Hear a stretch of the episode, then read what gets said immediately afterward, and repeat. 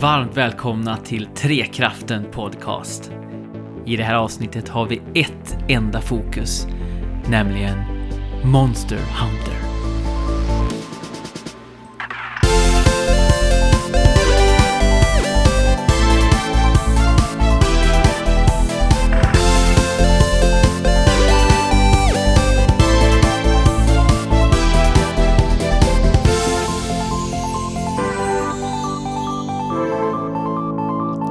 Sladdrar trekraften in på varsin pärlemut så att gruset stänker. Det är jag, Jesper Englin, eh, med mitt Greatsword och vi har också med oss en jägare i rött. Vad heter du? Jajamän, mitt namn är Fabian och jag jagar med Charge Blade. För Och- att det är så jäkla fett. Och vi har även en tredje jägare med oss. Jajamän, och jag heter Andrew och jag jagar med det mesta i Monster Hunter Rise-spelet. Vi kommer dyka ner i så mycket idag alltså. Jaha, ja. Skoja inte. Ska stå upp till midjan i Monster Hunter Rise och även Monster Hunter Film faktiskt. Mm. Ehm, Men vänta, Exakt. är det, hör ni? Nej. Det låter Ja. som, är det ett jakttorn? En havsvarelse kommit ut på land Ska ge en hjälpande fena eller hand Här för att jaga, podda, har en blodad tand På två ben, tonfisken står och alla fäller en glädjetår.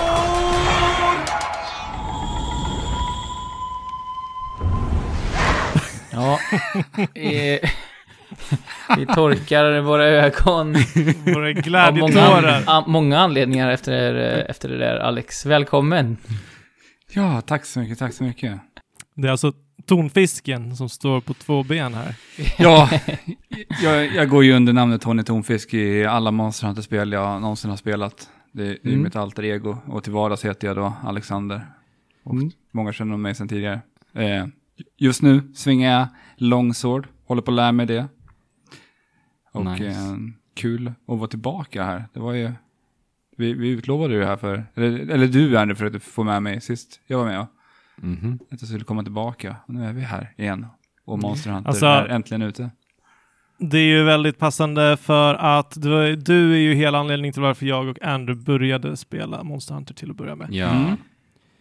Spelserien det- som Alex tjatade på mig att jag skulle börja spela. För han visste att jag skulle älska det och han hade ju rätt. Han hade helt rätt. Men eh, vilken fin, vilket fint intro du, du har gjort Fabian, måste jag ändå säga. Eh, Ja, för de, för de som inte har spelat det här spelet så låter, så låter det helt sjukt. Ja. jag trodde Kan du först att, det, att när du refererade till fisken att det var ifrån Monster Hunter 4. När jag sprang runt i min fiskkostym och såg så himla tråkig ut. Jag, jag, jag avskydde den där dräkten, jag såg ju bara ut som en ja, fisk. En spandex fiskdräkt som jag sprang runt med Ja. väldigt länge. Men den hade bra skills, visst var det så? Ja, Ja. Inte fashion Antingen är man hunter. ju fashion hunter eller så är man en skill hunter. ja. Ja, så men- är det ju. Ja, men det är ju som sagt eh, så de olika monstren och de olika platserna i Monster Hunter in, Rise introduceras eh, på samma sätt som Fabian gjorde här. Så att om ni inte var sugna på att spela Monster Hunter Rise innan detta så lär ni ju bli sugna efter det här för att få höra de här eh, fantastiska introduktionerna. Men Mhm. eh, jag måste bara flika in att jag lyssnade för första gången på de här introduktionerna på engelska och de är hemska. De är så hemska att, att alltså, jag vet inte, vill stänga av spelet vad man hör dem för att eh, har ni hört? Nej, jag har inte ja, det. jo, jag- hörde i början innan jag bytte språk. De är ju väldigt eh, torra, humorlösa liksom. Väldigt torra och alltså, ja.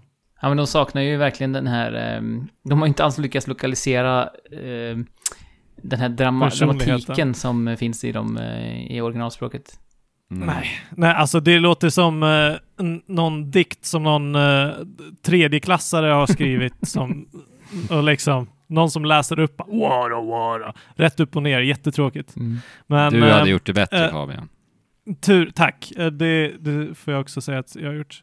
Eh, ni som har hört båda versionerna får väl, eh, får bedöma det. Mm. Ja. Men till som tur är så är inte, så är inte Monster Hunter eh, definieras det inte av eh, hur dålig intro- monsterintroduktionen är på engelska. Nej. Eh, det Låt Fabian veta på vår Discord om han gör ett bättre jobb. Än de engelska. Ja. Ja tack. Annars så får jag introspekta mig själv och eh, ha en liten så här självrannsakan. Ja, och när det behövs en svensk version på det här så finns ju du alltid redo. Om, om Jajamän. Capcom ringer dig liksom. Ja, så Capcom, gör, hör gör det här så jag finns här. Jag känner, jag känner några som känner några på Capcom så vi kan nog sätta upp det. Ja men nice. Let's do it. Alltså, Men, Ja, eh, jag ska bara säga det. Jag jobbade ju lite, lite grann på Monster Hunter World. Eh, Just fast jag inte riktigt fick det, för jag jobbade, det här är nog preskriberat nu, men jag, jag, jag jobbade ju för MI5 och så det var ju Bethesda som ägde mig då. Jag var ju, min själ var ju deras. Så jag fick inte jobba med andra varumärken som MI5, MI5 gjorde. Men lite under radarn så hjälpte jag kollegorna med lite Monster Hunter eh, content ändå. Eh, så att jag har ändå faktiskt jobbat lite med spelserien. Så kanske lite, till och med en disclaimer då, att jag har jobbat med spelserien. Men innan vi pratar om spelet, för det kommer vi sannoliken göra, så ska vi faktiskt prata om filmen eh, Monster Hunter. yeah. Och eh, här har vi då fått tillgång till en preview-version. Eh, men nu finns ju filmen ute att se på streamingtjänster. Var det på Amazon Ja. Prime? Var det så? Nej, alla hyrtjänster, den Okej. finns att hyra. Jag vet Okej. inte, jag tror inte vad jag vet att den finns att streama kostnadsfritt. Nej. Nej, jag vet att den har finns på bland annat Block, Blockbuster och SF Anytime och liknande Mm. tjänster. Så förmodligen på alla platser där du kan hyra film. Och Ja. jag vet inte om man ska erkänna det här, men vi fick ju en preview då allihopa. Eh, alla utom jag har sett filmen. Jag fick inte ihop livspusslet. Läs. Jag kunde inte riktigt förmå mig sitta och titta på den här filmen. Så frågan är, gjorde jag rätt som inte, inte tittade eller finns det något, eh, något värde i den här filmen? För den har ju sett på förhand. Alltså allt jag har hört om den på förhand har ju varit ganska negativt. Mm. Alltså, om man får säga så här. Det som går att relatera väl till Monster Hunter i den här Monster Hunter-filmen är ganska bra. Men det är väldigt mycket som inte går att eh, relatera till Monster Hunter. Nu tror jag att jag sa lite, lite konstigt här, men allt som går att relatera till Monster Hunter. Eh, vad kan det Och- vara till exempel då? Alltså som, kan, Alltså som går typ- att relatera till? Ja. Designen på vissa vapen och rustningar och monstren naturligtvis. Sen så är det inte så mycket mer. Nej. Nej, det är monstren ens- främst, skulle jag säga. Ja, Men det är ju, Och- det är ju en film som är direkt baserad på just Monster Hunter World också. Eh, Mhm. Alltså att vi ser ju direkta karaktärer tagna ifrån World Mhm. in i den här Precis. filmen. Vilket är lite märkligt alltså. För jag tycker inte de har lyckats, alltså även om vi inte har några starka personligheter i, i World, nej. så tycker jag inte ens de har lyckats fånga dem överhuvudtaget i filmen ens. De, de har inte ens försökt. De har ju bara Nej. tagit några, person, några liksom karaktärer för att ha karaktärer överhuvudtaget. Ja, Eh, och och jag klistrat menar, in dem. Med hur mycket dialog behöver du ta in i den här filmen för att ens förstå någonting som händer? Egentligen inte mycket. ingenting va? Det, Men det handlar ju om att de snackar Wyverian, alltså Monster Hunter-språket. Ja. Eh, Jo, men det är ju lite... ju- Ja. Vi har ju lite Men- amerikanska soldater och så vidare och så vidare också som pratar med varandra. Vil- och det är ju kanske är- bland det ja. sämsta i, i filmen. Men jag Mm. menar, när, när man, om, man, om vi börjar prata om bikaraktärerna så hade det varit så himla enkelt att bara få dem att kännas Monster Hunter genom att eh, de skulle utföra någon typ av eh, väldigt ikonisk gest Ja, som, exakt. som Monster Hunter har. Liksom. Det, Ja. det skulle räcka för att man skulle bara säga ja, Pra- Prance-dansen liksom.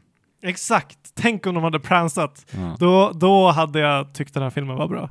Mm. tror jag. Men eh, de pransar ju, ax- alltså spoiler är att de inte pransar i den här filmen. Ja. Är grisen med? Nej, inte Poogie Nej. heller. Inte Det Poogie. känns ju som en eh, otroligt missad möjlighet med tanke på hur eh, älskad den är. Mm. Och alltså, eh, vad den här filmen, premiss, premissen av filmen är att naturligtvis är det amerikanska armén. En, en, en skvadron, eller vad det heter, eh, av amerikanska armén ute i öknen och sen helt plötsligt kommer en sandstorm och sen så finner de sig i ett annat land. Typ alla dör förutom eh, huvudrollsinnehaverskan som heter så mycket som eh, Mila Ja. Jovovich. Ja, precis. Yes. Och hon är stenhård amerikansk soldat som försöker överleva här på eh, en, en, en sandö. Mm. i princip. Precis. Sand. Så hon ska ta sig till, eh, vad kallar de det, The Sky Tower. Eh, som är då vägen tillbaka till hennes värld. För hon ju då genom den här mystiska portalen ut i öknen lyckats ta sig till monsterhunter-världen. Va? Så att de var Ja. tvungna att alltså ha Ta med. med, eh, amerikanska armén i en Ja. monsterhunter-film. Alltså Men den, jag fattar inte. Bara, ja, den här kontrasten funkar inte alls överhuvudtaget tycker jag. jag tror ingen är förvånad över det heller. Nej. Eh, för att, en, alltså, det, det var ju första varningstecknet. Ja. Eh, men det finns ju lite så här, som sagt, det finns lite gott att plocka från det här. Mm, Mila då håller på och försöker överleva på en ö som, eh, som vaktas av en, eh, en, en Black Diablos. eh, Diablos. Och de eh, vet vi ju är ganska, ganska argsinta av sig.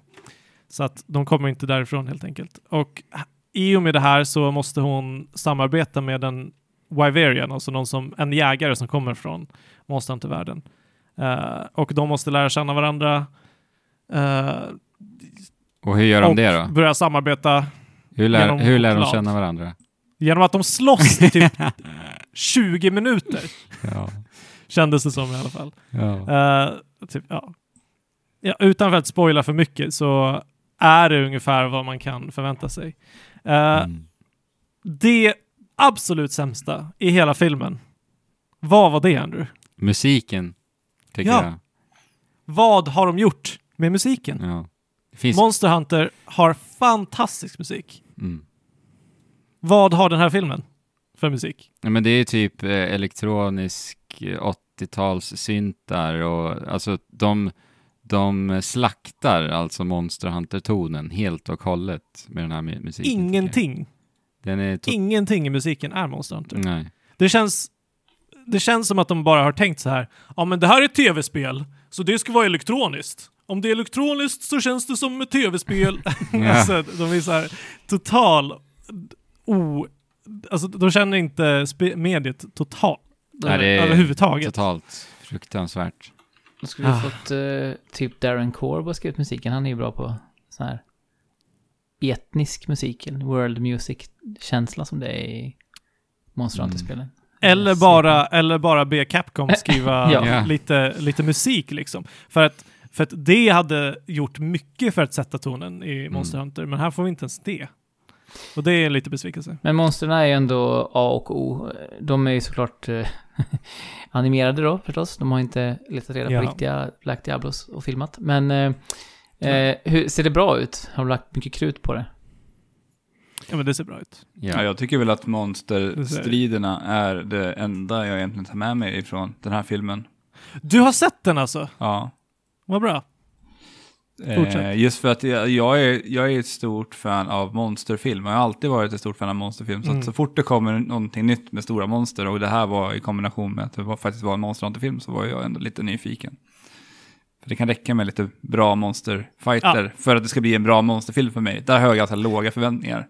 Men jag måste ändå här. säga, jag, jag måste ändå säga så här, Monster Hunter-filmen är, ligger, i och med att det är en Monster Hunter-film så höjs mina förväntningar ganska mycket också. Mm, Ja. Mm. Och Ja, eh, det saboterar lite för mig. Ja men det är så Eh. märkligheter. Mm. Jag menar, det finns Ja. en, en jägare vi träffar på som använder en switch axe. Och när jag såg det första gången, jag bara nej vad coolt, nu får vi se switch axe in action. Eh, men sen visar det sig att den inte alls beter sig på samma sätt som den gör i spelet. Då är det så här, men varför envisas ni ens om att ha en switch axe då? När den ändå Ja. inte blir representerad på rätt sätt. Eh, Ja, och, och- sen Rathalos också. Bara, det enda sättet att döda en Rathalos är att skjuta i, i gapande munnen. Det är så här, fast nej, det där är inte Monster Hunter alltså. Nej, men precis. Så att det gör ju att man frågar sig, vem är den här filmen för? För, ja. Ja. Det var det, alltså- var det första Alex skrev till mig när han såg den. Ja, jag förstår inte. Och, men men det, det lustiga tycker jag också är någonstans att Capcom har valt samma regissör att göra filmatiseringen på deras spel. Det är den här Paul W.S. Anderson som har castat sin egna fru Mila Jovovich till både Monster Hunter och alla Resident Evil-filmerna. För att Mm. Det, det var ju någonstans det jag kände med Resident Evil förut också. Att så här, vem var den filmen för? Det var inte för spelarna som gillade Resident Evil. Nej. Och den är inte bra för någon som inte känner till källmaterialet heller. så att Nej. det är så jäkla weird. Nej, men och, hon kan ju vara bra verkligen. Jag, jag gillar ju verkligen Jeanne d'Arc-filmen som hon har gjort. Eh, Det är ju så här actionbaserad eh, eh, version av Jeanne d'Arcs liv liksom. Där hon gillade jag henne jättemycket. Så hon kan passa i de här lättsamma Ja, actionfilmerna. Men det, det känns som att hon blir kanske malplacerad i Capcom-filmerna. Ja, ja. Ja oh lord. Nej, men det är så Men, mycket alltså- som bara känns papperstunt, så hon får väl inte riktigt utlopp, känns det lite som. Jag vet inte. Nej, verkligen Nej. inte.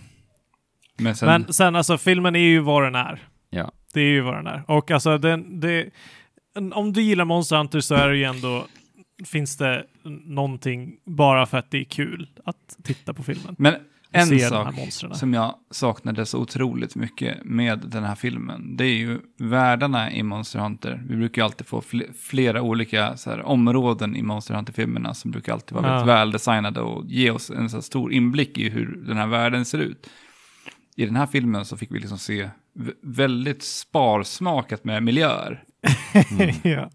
Och det tycker jag Alltså- är väldigt synd, för det hade skapat ett intresse för liksom hela Monster Hunter-världen om de hade kunnat gestalta dem lika snyggt som de gör i spelen. Mm. Och då tror ja, jag precis. många hade kunnat fått upp ögonen för Monster Hunter-universumet. Mm.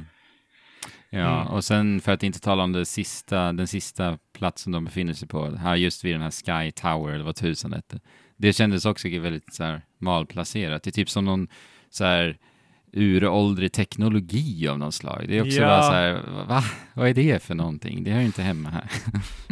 jag vet inte. Nej, exakt. Men jag håller med Alex, det är mycket som saknas i bara eh, ja, estetiken egentligen, i världen. Mm. Mm. Ja, d- det mesta vi får är ju öken liksom. Och det, Ja. antingen så har de bara varit, varit eh, lata och inte velat lägga, inte kunnat lägga Ja, fast- tillräckligt mycket pengar. Ja, men när man tittar på filmen, det är ju uppenbarligen mycket, mycket resurser som har lagts ner här alltså. För det är ju verkligen väl, välgjort. Alltså, Jo. men ja. det är väl regissörsarbetet som är lite halvdant. De lyckades också klämma in ett eh, rasistiskt eh, skämt mot eh, kineser, vilket innebar att de fick Aha. dra tillbaka filmen direkt när den kom ut Nej. och eh, klippa om den och eh, släppa den igen. Ja. Vet du vad det var för något? Så du? Vet du vad det var för något? Nej, men det var någon så här eh, en helt meningslös random kommentar från någon soldat som Ja. var ett, eh, ett rasistiskt skämt. Så de, Mm. eh, den blev bannad i Kina först då. Sen, nu är den godkänd att visa. Mm. Det känns ju också så här. Var det inte någon som sa till under processen att oj, det här skämtet kanske vi inte ska ha med? Nej. Märkligt. Nej, precis. Den, på tal om, Ja. på tal om så här banna och, och så, så tänkte jag också på den är ju väldigt blodig också. Som inte heller riktigt känns kanske Monster Hunter. Jag menar, vi får se en Black Diablos bara totalt eh, spätta en person rätt i magen. Liksom. Ja. Det är lite så här, det, var näst, det var äckligt vid vissa tillfällen. Ni Mm. vet i Nersillas näste där också, det var också bara så här, Ja. "Ugh." Det där Ja, hade ni väl precis. kanske inte behövt visa. Men det var inte... Eller, eller om de hade visat liksom en, en mer realistisk eh, Monster Hunter-värld hade ju också varit nice. Där, där man liksom kan bli spettad av en Diablos. Jag vet inte om Eh, jag skulle hon, om man måste det. passa sig. Men det var inte så att... Men eh, nu gjorde var... de ingenting av det. Du vill att man bara ska ställa sig upp och sen bara resa armarna uppåt mot Ja. Ja. Eller hur? Drick, drick and potion. Det vore det bästa, flexa. det vore det bästa. Ja, Ja. Verkligen. Ja, men eh, Ja. om vi ska lämna det här Monster, Monster Hunter Fall, som vi kan kalla den här filmen då. Eh, Ja. Eller Mm. Fail kanske. The fall Eh, of the fail. Och, och hoppa in i Monster Hunter Rise istället kanske. Ja, snälla, kan vi inte? Men innan vi hoppar in så måste vi ju faktiskt se till att vi är mätta i magen och vi har fått ge oss lite Ja. dangos, eller hur? Naturligtvis. Jajamän, självklart. Då hugger vi in. Ett, Två, Gazing at shiny lights in the sky. Suddenly some falling stars fly by with eyes and mouths they look so sweet. Fluffy bunny dango, they're a tasty treat. Here you go. Mm-hmm.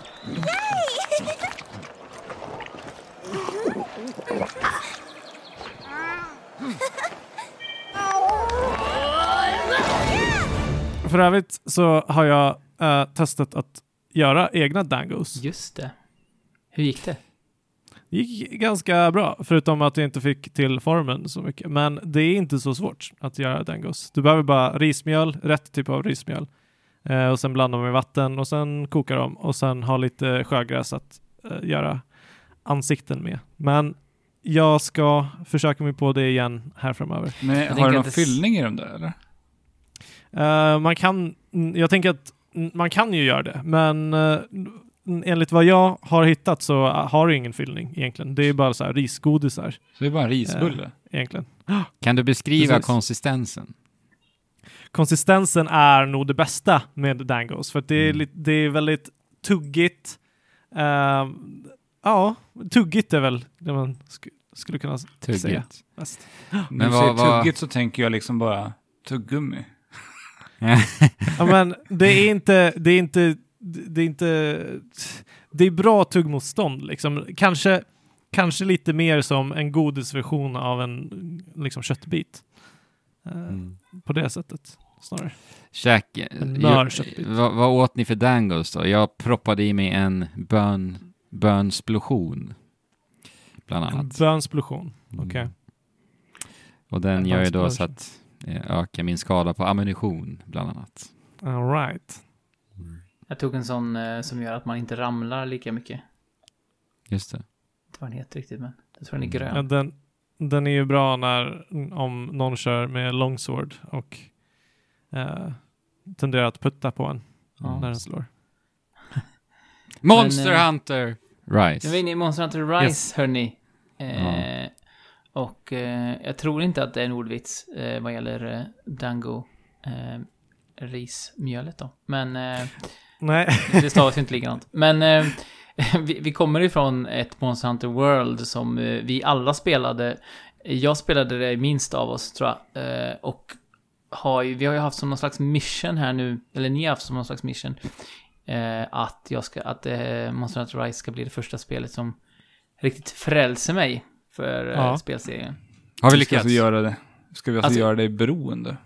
Det, Ja, precis. Mm. Så är det. Eh, ni är den här snälla mannen som ger mig den första gratis.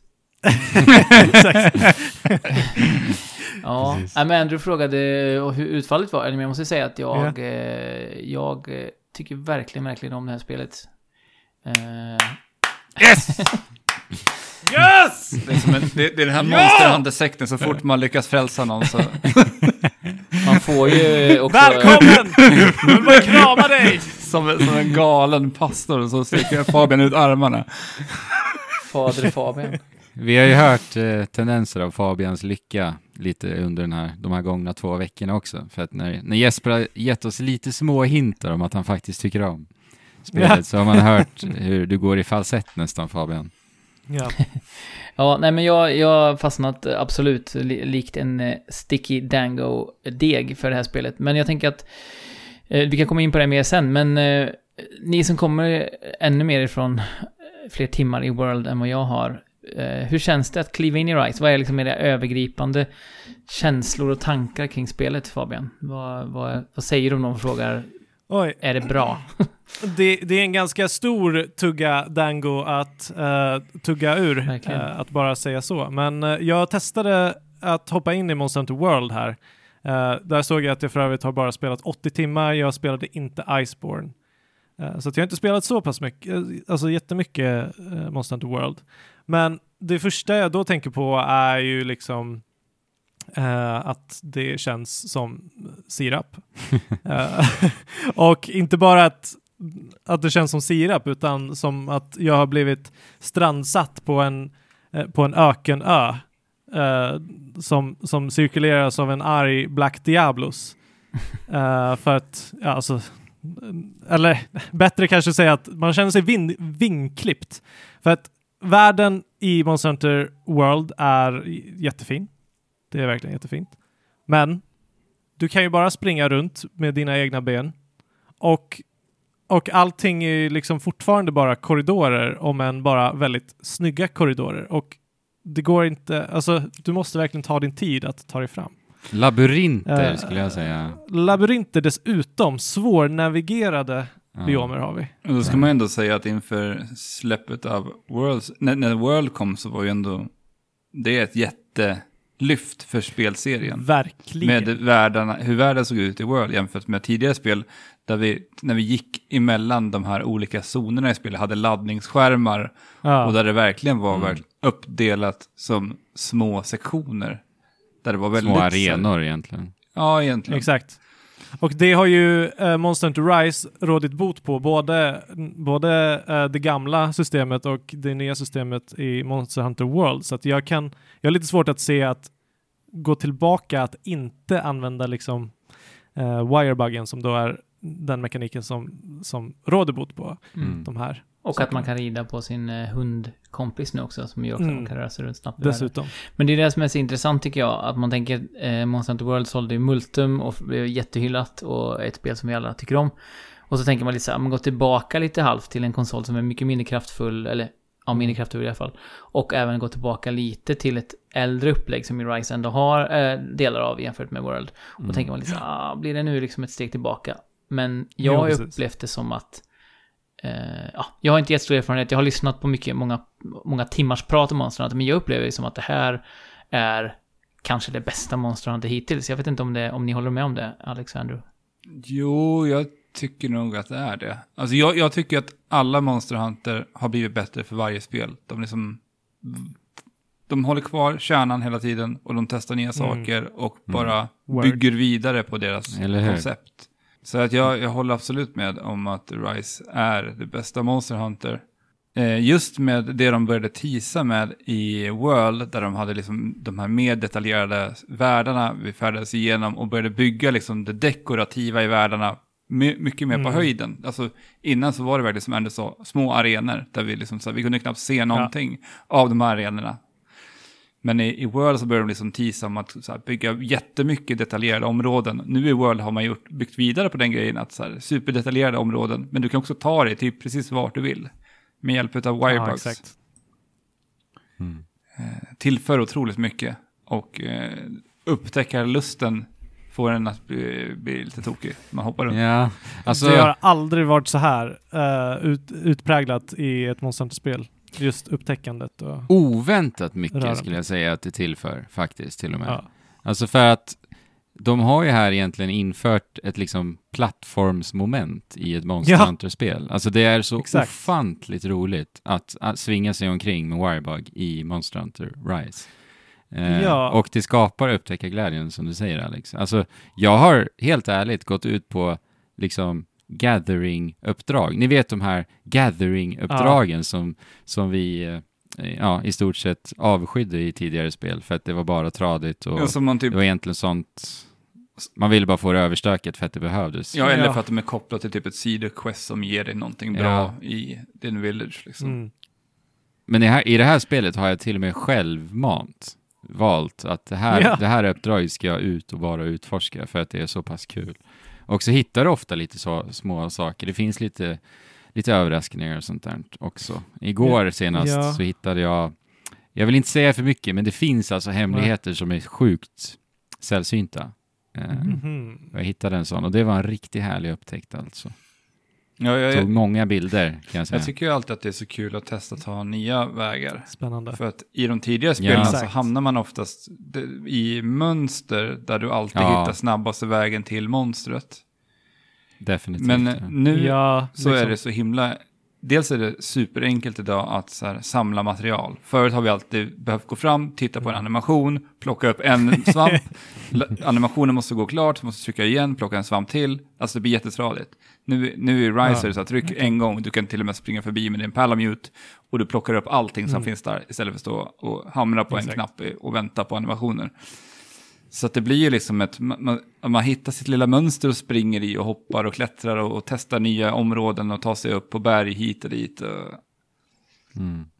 Ja men exakt. Alltså, hela världen är ju, är ju byggd med tanke på wirebuggen och eh, systemen som de satt, satt in eh, i den här världen är också komplementärt till Wirebug-mekaniken som gör att liksom, det, det är belönande för dig att följa de här Spirit Birds eh, och plocka upp de här Endemic Life som vi använder i jakten. Mm. Eh, som, alltså, Spirit Birds är ju praktiskt taget liksom Super Mario-mynten Mm. 2.0. Mm. Eh, och för att förklara det lite så, ehm, så länge du inte går i de här korridorerna som leder från område 1 till område 2 till område 3 och så vidare, utan du väljer att ta genvägar, att hoppa upp på, ho- hoppa upp på det här berget och eh, klättra, klättra ner för den där lilla dalen och så vidare, så kommer du att stöta på en massa spirit birds som gör att du, din attack går upp, eh, Uthållighet. och så vidare. Ja, uthållighet och så vidare. defensiv. Eh, och det, det gör ju att, att, rör, att röra sig runt i världen blir inte bara att liksom följa de här korridorerna som det traditionellt har varit Mm. eh, från punkt A till B, eh, utan det blir att du använder din wirebug och som du säger Andrew, utför massa plattformsmoment när du Mm. jagar monstret som, som blir liksom ett tillskott till den vanliga spelrytmen som, som annars har bara varit transportsträckor i princip. Ja, du blir belönad eh, både av att det är kul och att det ger dig eh, en extra liten färdighet i jakten. Och även just så här improvisationsfaktorn, så här att om du, om du liksom utforskar lite, sen kommer du över en, en, en endemic live som du inte har testat Ja, på, eller en exakt. endemic live som du extra, gillar lite extra mycket, och sen så utnyttjar du den i striden som väntar och så vidare. Alltså det, Ja. och du behöver ju inte göra det här, utan det blir bara en extra liten, eh, liten krydda till eh, den här jakten. Liksom. Men när vi är inne på att prata om världen så tycker jag ju, det som förvånar mig, jag var inne på förut, är ju att Ja, för det första att spelet ser fantastiskt ut. Mm.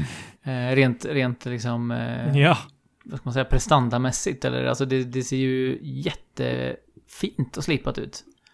för att det var på Mm. switchen. Ja, hade man visat det här och bara frågat sig vilken plattform är det här på så hade man kanske trott snarare en base PS4 eller någonting nästan. Ja, alltså tänk ekvivalenten i, ju- i, i prestanda med Switch, det är väl typ så här Xbox 360, PS3-eran liksom. Mm. Eh, Ja. Säkert lite mer kraftfull, men det är ändå mer åt det hållet snarare än åt eh, Playstation 4. Så att med det, ja, jag håller verkligen med. Alltså det är verkligen imponerande snyggt alltså. Ja, verkligen. Karaktärsmodellerna tycker jag är helt, Ja. alltså, det ser ut som ett, det ser ut som ett PS4-spel tycker jag. Mm.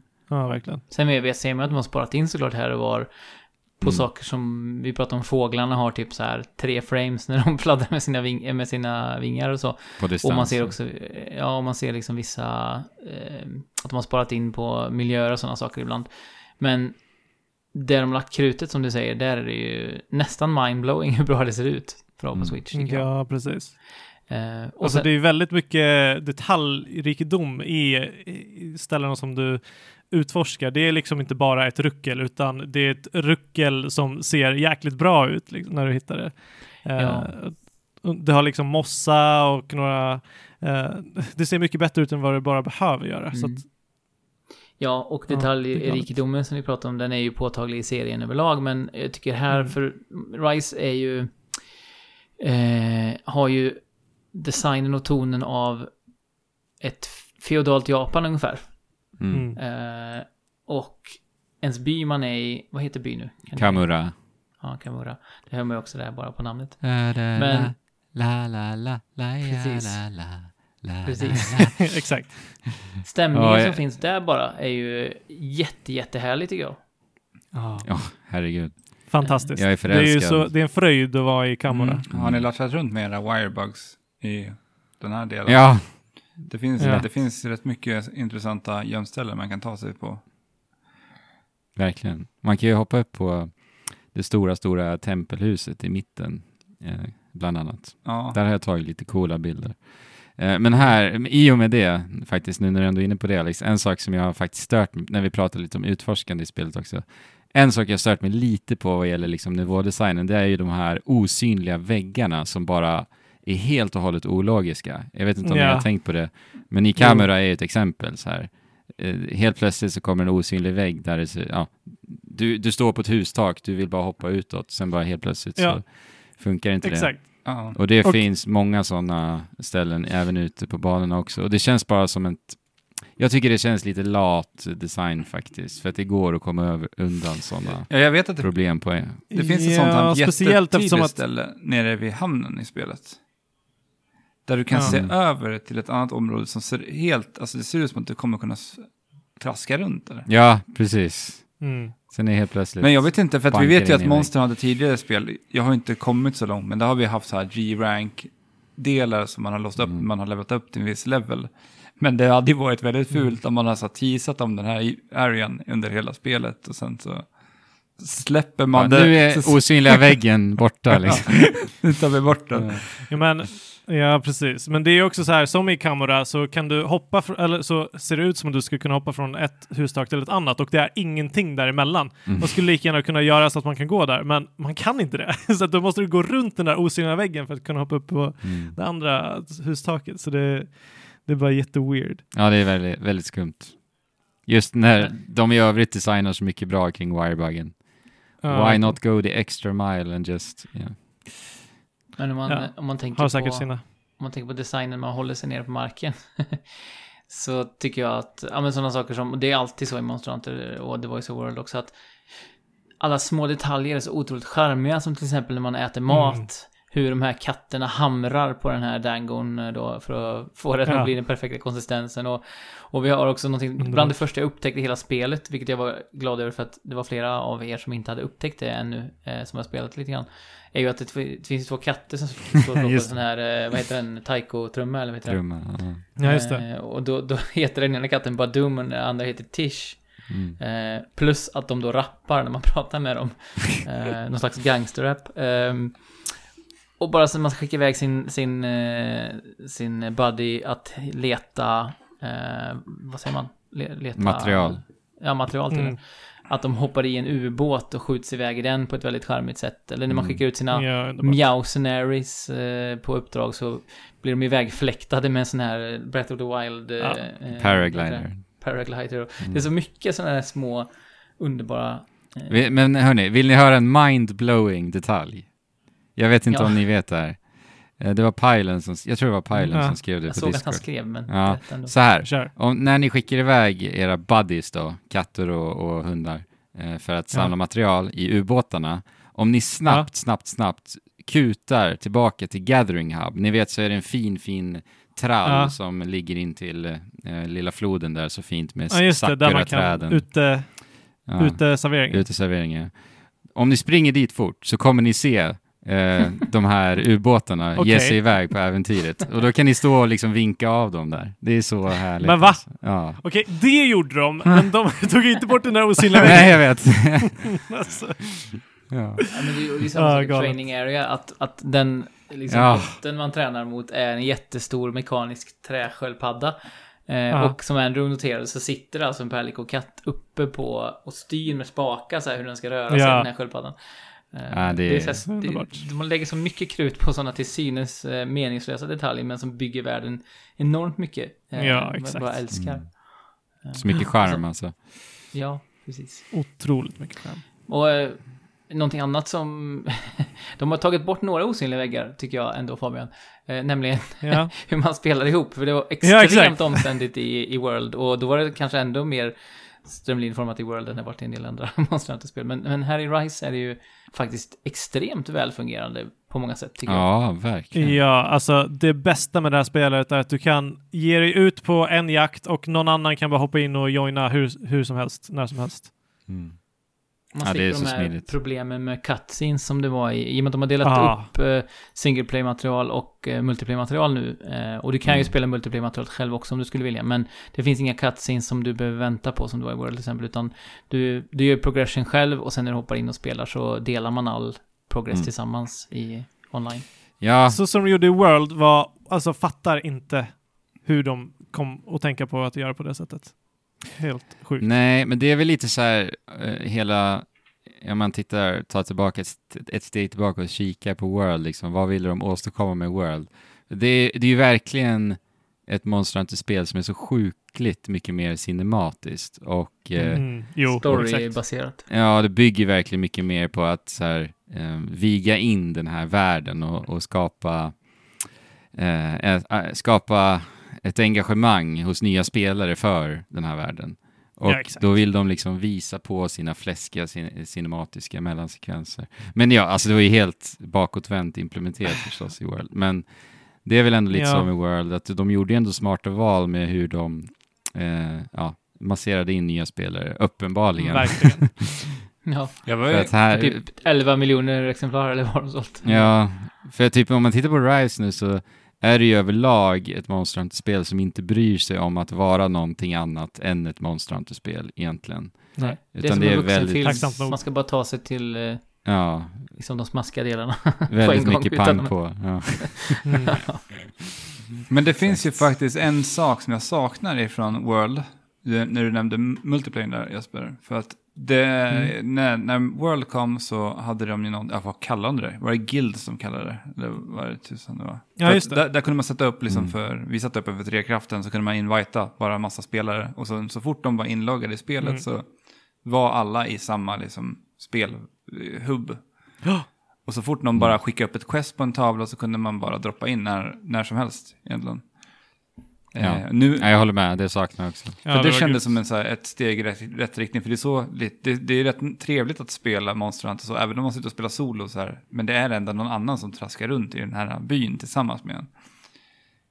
Ja, för det är, det är det här som Andrew har Där försökt eh, få in hos, eh, jag vet att du sa när vi spelade Andrew, att du försöker få in det hos alla. Bara, men sätt upp en hubb, sätt upp ett, en, en hubb och ha bara 3, 3, 3, 3 Ja. som samma lösenord. Så vi bara kan Exakt. vara i samma hubb Mm. men, och, och bara joina varandras quest för att Ja. skapa den här lite trevliga gemenskapen. Ja, men det Ja, här, var för att- fyra nu va? Eller? exakt, man kan ju bara vara fyra nu. Och det har ju blivit så extra påtagligt det här, just för att nu i, i liksom Monster Hunter Rise-psykosen när det är så många som spelar på vår Discord så, så känns det verkligen av att, ah, vi saknar nog det där lite va? Jo, precis. För det är så många som spelar på samma gång. Ja, för att det, det är verkligen, det kan verkligen bidra enormt till spelupplevelsen att ha, kunna ha folk som droppar in lite hur som helst eh, och att inte vara begränsad på det sättet. För Mm. att det, det uppstår ofta situationer då, då man liksom är fokuserad på att jaga men sen så kommer någon annan jägare, någon kompis från ingenstans och bara eh, hjälper, till, hjälper till i en knivig situation och det blir så episkt. Eh, och det här sätter ju lite käppar i hjulen för den. Det, det funkar ju fortfarande eh, att ha det så om man går den vägen att alltid att den, den som spelar sätter alltid upp en hubb som folk kan joina liksom. Det Men finns ju eh, det är inte så strömlinjeformat som det skulle kunna vara. Nej. Det finns ju någon ny feature jag spelat med The Hunter Connect. Som jag trodde skulle vara det här, för jag har varit lite glad när jag såg det här. Är det någon av er som har på, har testat det här? Nej. Men är det Alltså, inte det typ verkar matchmaking vara- om man är, spelar ensam eller? Om man inte har kompisar att spela? Ja, ja, alltså jag kan inte riktigt svara på exakt vad det här är faktiskt. Nej, för jag har varit det inbjuden till något. en sån här av min kollega när jag spelade med honom. Men jag har liksom inte förstått hur det Mm. funkar eller vad den är till för överhuvudtaget. Och det bara känns så himla mycket. Jag funderar på om det är som ett filter, typ. Alltså om, ni, om du nu är, har blivit inbjuden och accepterat det så kommer du alltid se den personen när den är online eller något kanske? Jag vet inte riktigt. Ja, jag måste testa det här med Mm. Hunter Connect och se om det är någonting att ha överhuvudtaget. Mm. Ja, precis. Men eh, något vi kan säga bara innan vi börjar prata lite mer om eh, gå på djupet och snöa in oss på mekanik i spelet är väl att eh, eh, vi, na- laddningstiderna är ju helt otroliga också. Alltså det, de är nästan Ja. obefintliga. Det, kän, det känns som Alltså. att spela på typ en Series X eller en PS5 typ. Ja, Alltså ja. verkligen. Det, Även det är ju fördelen med att ha chip liksom. Mm. Ja, men vadå? Om du laddar ner digitalt, är det väl samma? eller? Ja, det är ju ändå Okej. liksom. Okej. Ja, ja, men ja, det är sjukt Den, den interna hårddisken ska ju vara, ja, verkligen. De pressar ut varenda liten Ja, millimeter det var ju inte World så bra på. Det var ju helt fruktansvärda laddningstider. Nej, alltså Nej, Fabian, men- du spelade väl World häromdagen? Hur, Ja. ja. det är helt galet vad långa laddningstiderna är alltså. Det är Men galet. eh, det, det är eh, väl bättre på PS5 än vad det var på... Nej, det är det ju inte. Det är ju klart att det är... För att det är inte optimerat. Mm, Alltså, nu när jag spelade tidigare idag så kände jag fast jag tänkte inte, jag tajmade liksom inte det. Nej, den Eh, och första, jag spelade bara provisoriskt. den första initiala laddningsskärmen är rätt lång alltså. Ah, ja. Jo, att starta spelet är ju definitivt bra mycket smidigare. Precis, låt oss inte slösa tid på World när det finns eh, Rise att eh, stiga ner i. Eh, ytterligare. Eh, alltså, som ni var inne på här, det finns ju ett antal stora saker som skiljer eh, det här Monster Hunter-spelet från de andra. Och nästan förvånansvärt många när man listar dem på det här sättet och, och Ja. vad de gör för, för spelserien. Vi har pratat om, om Wirebugs en del, men det finns mycket mer att säga ändå ju. För det är inte bara att det blir enklare och att de har designat världen vertikalt, utan man kan göra så himla mycket med de här wirebugsen. Eh, man har ju två från början, och sen är de på cooldown då. Eh, men, och så kan man plocka upp en tredje om man hittar i världen som är tillfällig och som försvinner efter ett tag. Mm. Eh, och de kan man använda på en mängd kreativa och spännande sätt ju. Ja. Ja, exakt. Och det jag tycker så mycket om med Wirebugs, eh, varför jag älskar, jag, fullkomligt älskar Wirebugs. Vi har vår kära Roygan på Discord, han säger nästan varje gång vi spelar Monster Hunter upp, han säger alltså Wirebugs, det är årets mekanik. Det är det. Och då är det ändå en, det- Ja. En väldigt gammal mekanik som man bara har piffat till lite grann. Ja, Precis, Det är, det- liksom. det är det här som är så intressant och jag vill förklara då varför jag älskar den så pass mycket. För att ja, precis som du säger Alex, det är bara, bara inom citationstecken en grappling hook egentligen. Som du inte Mm. behöver Men det skjuta de till gör- en. Du behöver inte skjuta den Exakt. mot en yta. Utan Precis, och det var ju ett, ett så här design, eh, problem, inte problem, men de var ju tvungna att lösa det designmässigt. För att det började ju initialt som just en grappling hook. Men problemet är ju Mm. att man blir då begränsad av att du behöver en yta. Eh, så att då kom de ju upp med liksom hela wirebug-konceptet. För det är ju då helt Exakt. enkelt en, en liten insekt som eh, ja, har en Mm. silkeslina eh, knuten till sig som du svingar med typ. Ja. Men det som är så coolt med det här är att det är så tekniskt att, att använda sig av wirebugs. För att du kan ju helt enkelt då eh, kasta ut wirebuggen på tre olika sätt ifrån marken. Du kan kasta det rakt fram så att du liksom slungas och dashar dig framåt ganska långt och väldigt kvickt. Sen kan du göra det snett uppåt med ett annat eh, unikt knapptryck. Och sen... Spiderman-sving liksom. Mer så. Ja, precis. Ja, den upp i luften så. Ja. Upp i luften. Och sen till slut då så har vi fri kontroll så att vi kan sikta helt enkelt precis var vi vill skjuta. Och det är inte så här, där tänker man okej, ja men tre olika sätt. Men alla de här tre olika svingar i olika distanser, din, din, jä- Mm. din jägare. Så att du kommer behöva och du vill använda dig av alla, alla olika tre just i kombination med vad Monster Hunter är. Det är så viktigt med positionering och distans till monster och så vidare. Så att det skapar en symbios och ett liksom tempo till vad Monster Hunter redan är som gifter sig så sjukt, alltså det är så, så, Så väl gjort Ja. alltså. Eh, och överlag så här, eh, de har ju hittat någon sorts sweet spot för mig med Monster Hunter Rise, för det är ju så mycket högre tempo i och med Wirebugs. Eh, Ja. Och det är just att det är ju mycket mer action.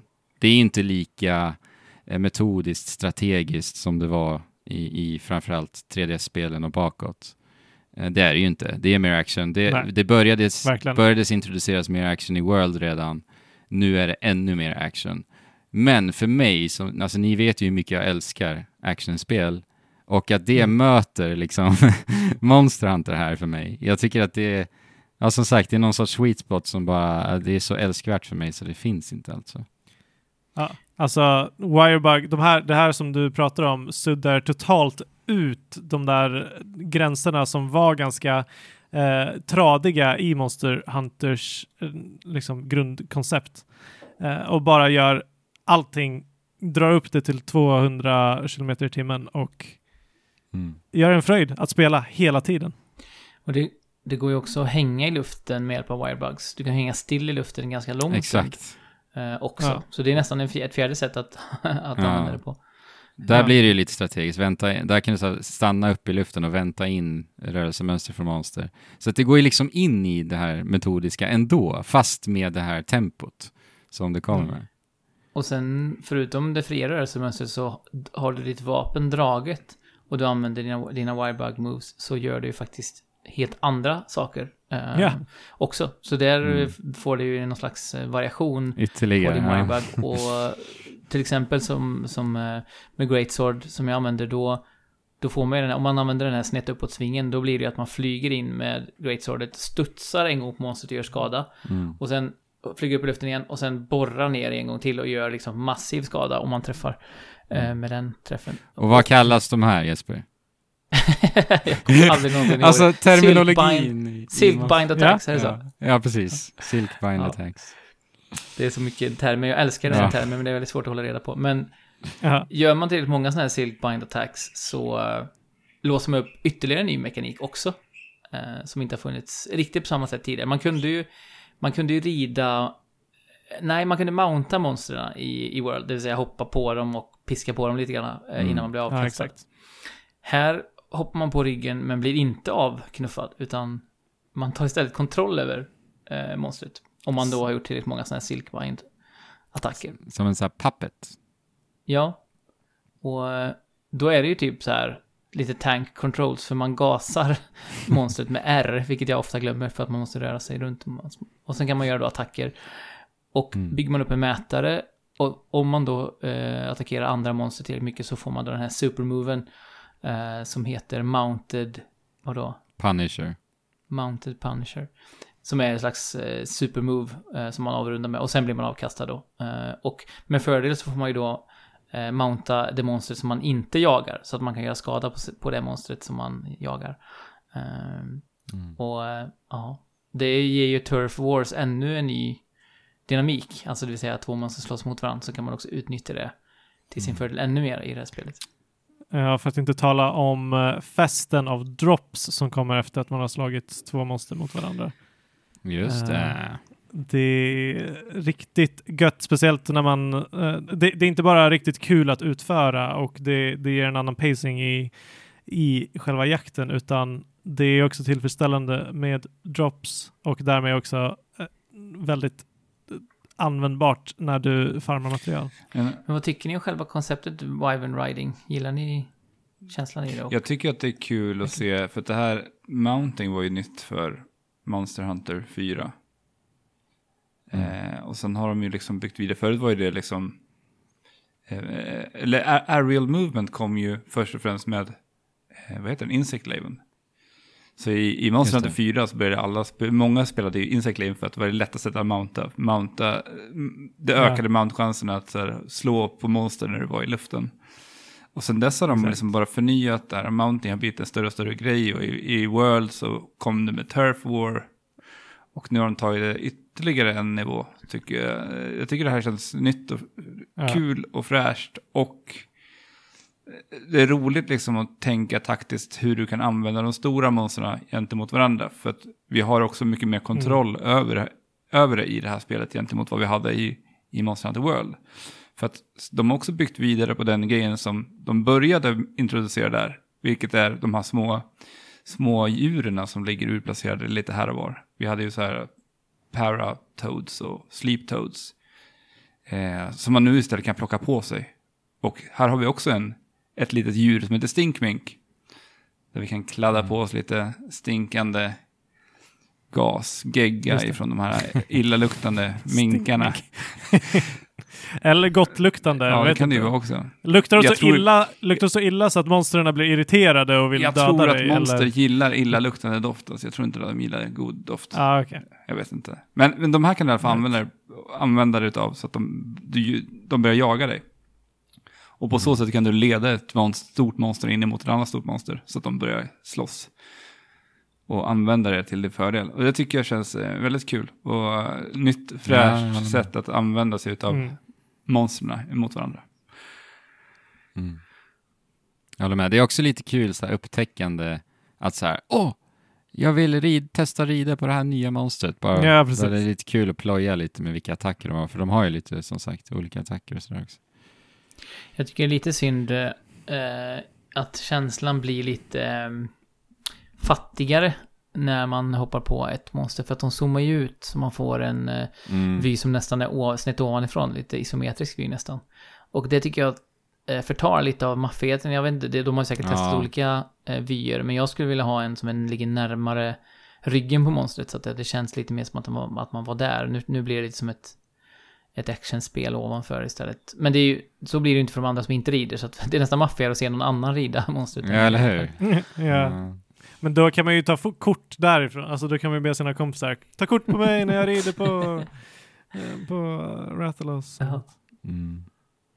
Eh, Men som sagt, en, eh, de, det är ju, går i linje med det vi har sagt om Rise förut, att det här är liksom på många sätt det bästa Monster Hunter och det mest kompletta Monster Hunter, att de tar den här mekaniken och gör ännu mer av den. Ehm, men ja, vi var inne på rörelsemöjligheterna, både att man rider och att man eh, svingar sig runt på diverse vis.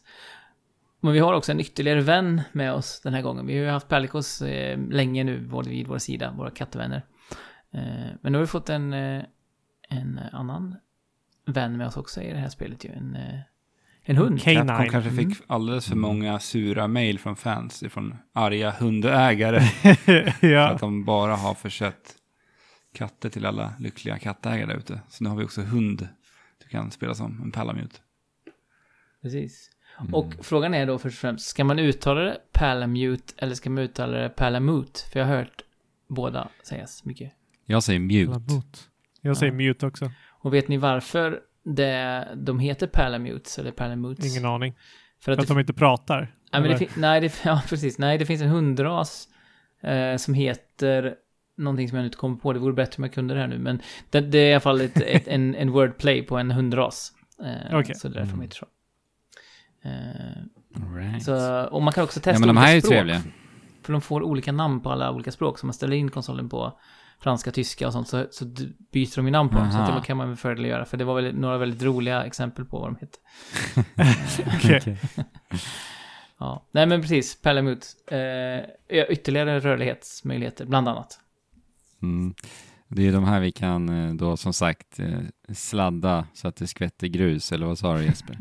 Ja, man trycker ner L, Mm. eh, Z eller vad är det? Sätta eller? Eh, så, ja, precis, ZL. Så sladdar man runt och få- som i ett Mario Kart och sen när man släpper sladden så får man då en liten fartboost. Mm.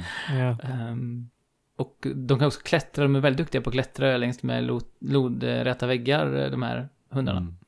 Ja. Eh, Men vad, så här då, vad, vad föredrar ni att spela? För nu har vi ju då som sagt katterna Palicos och hundarna Palamutes nu. Vad, vad, vad spelar Ja. ni? Vilken kompanjon har ni med er? Jag har bara kört med Palamute fram tills nu. Jag har inte ens tänkt att jag kan byta. För det har, bara- det har bara Nej. varit så bekvämt att med Exakt. Palamuten. För det är så här, du kan ta dig snabbt från plats A till B. Liksom. Mm. Exakt. Eh, och jag, eh, jag älskar ju att du kan bara hoppa upp på, mon- på din Palamute och röra dig medan du slipar ditt svärd. Eller ditt vapen. Eh, vilket alltid har varit, du måste stanna, sätta dig ner, slipa svärdet, tar några sekunder liksom. Eh, det är ju riktigt nice. Det där är någonting jag använt väldigt mycket i fighter faktiskt. När Mm. jag blir nedskjutsad och har ont om liv så bara kallar jag på min Palamute, springer runt, dricker lite potion, slipar mitt svärd, hoppar av, wirebuggar mig framåt och fortsätter fightas. Men jag vill ändå säga så här, ju mer jag lär mig Wirebug, desto mindre intressant och användbar blir Palamuten. Eh, på ett sätt. Är det för att du har fått se mina två katter, vad de gör Fabian? Eh, dels det, dels att uh, pa Palicos gör riktigt nicea och coola saker.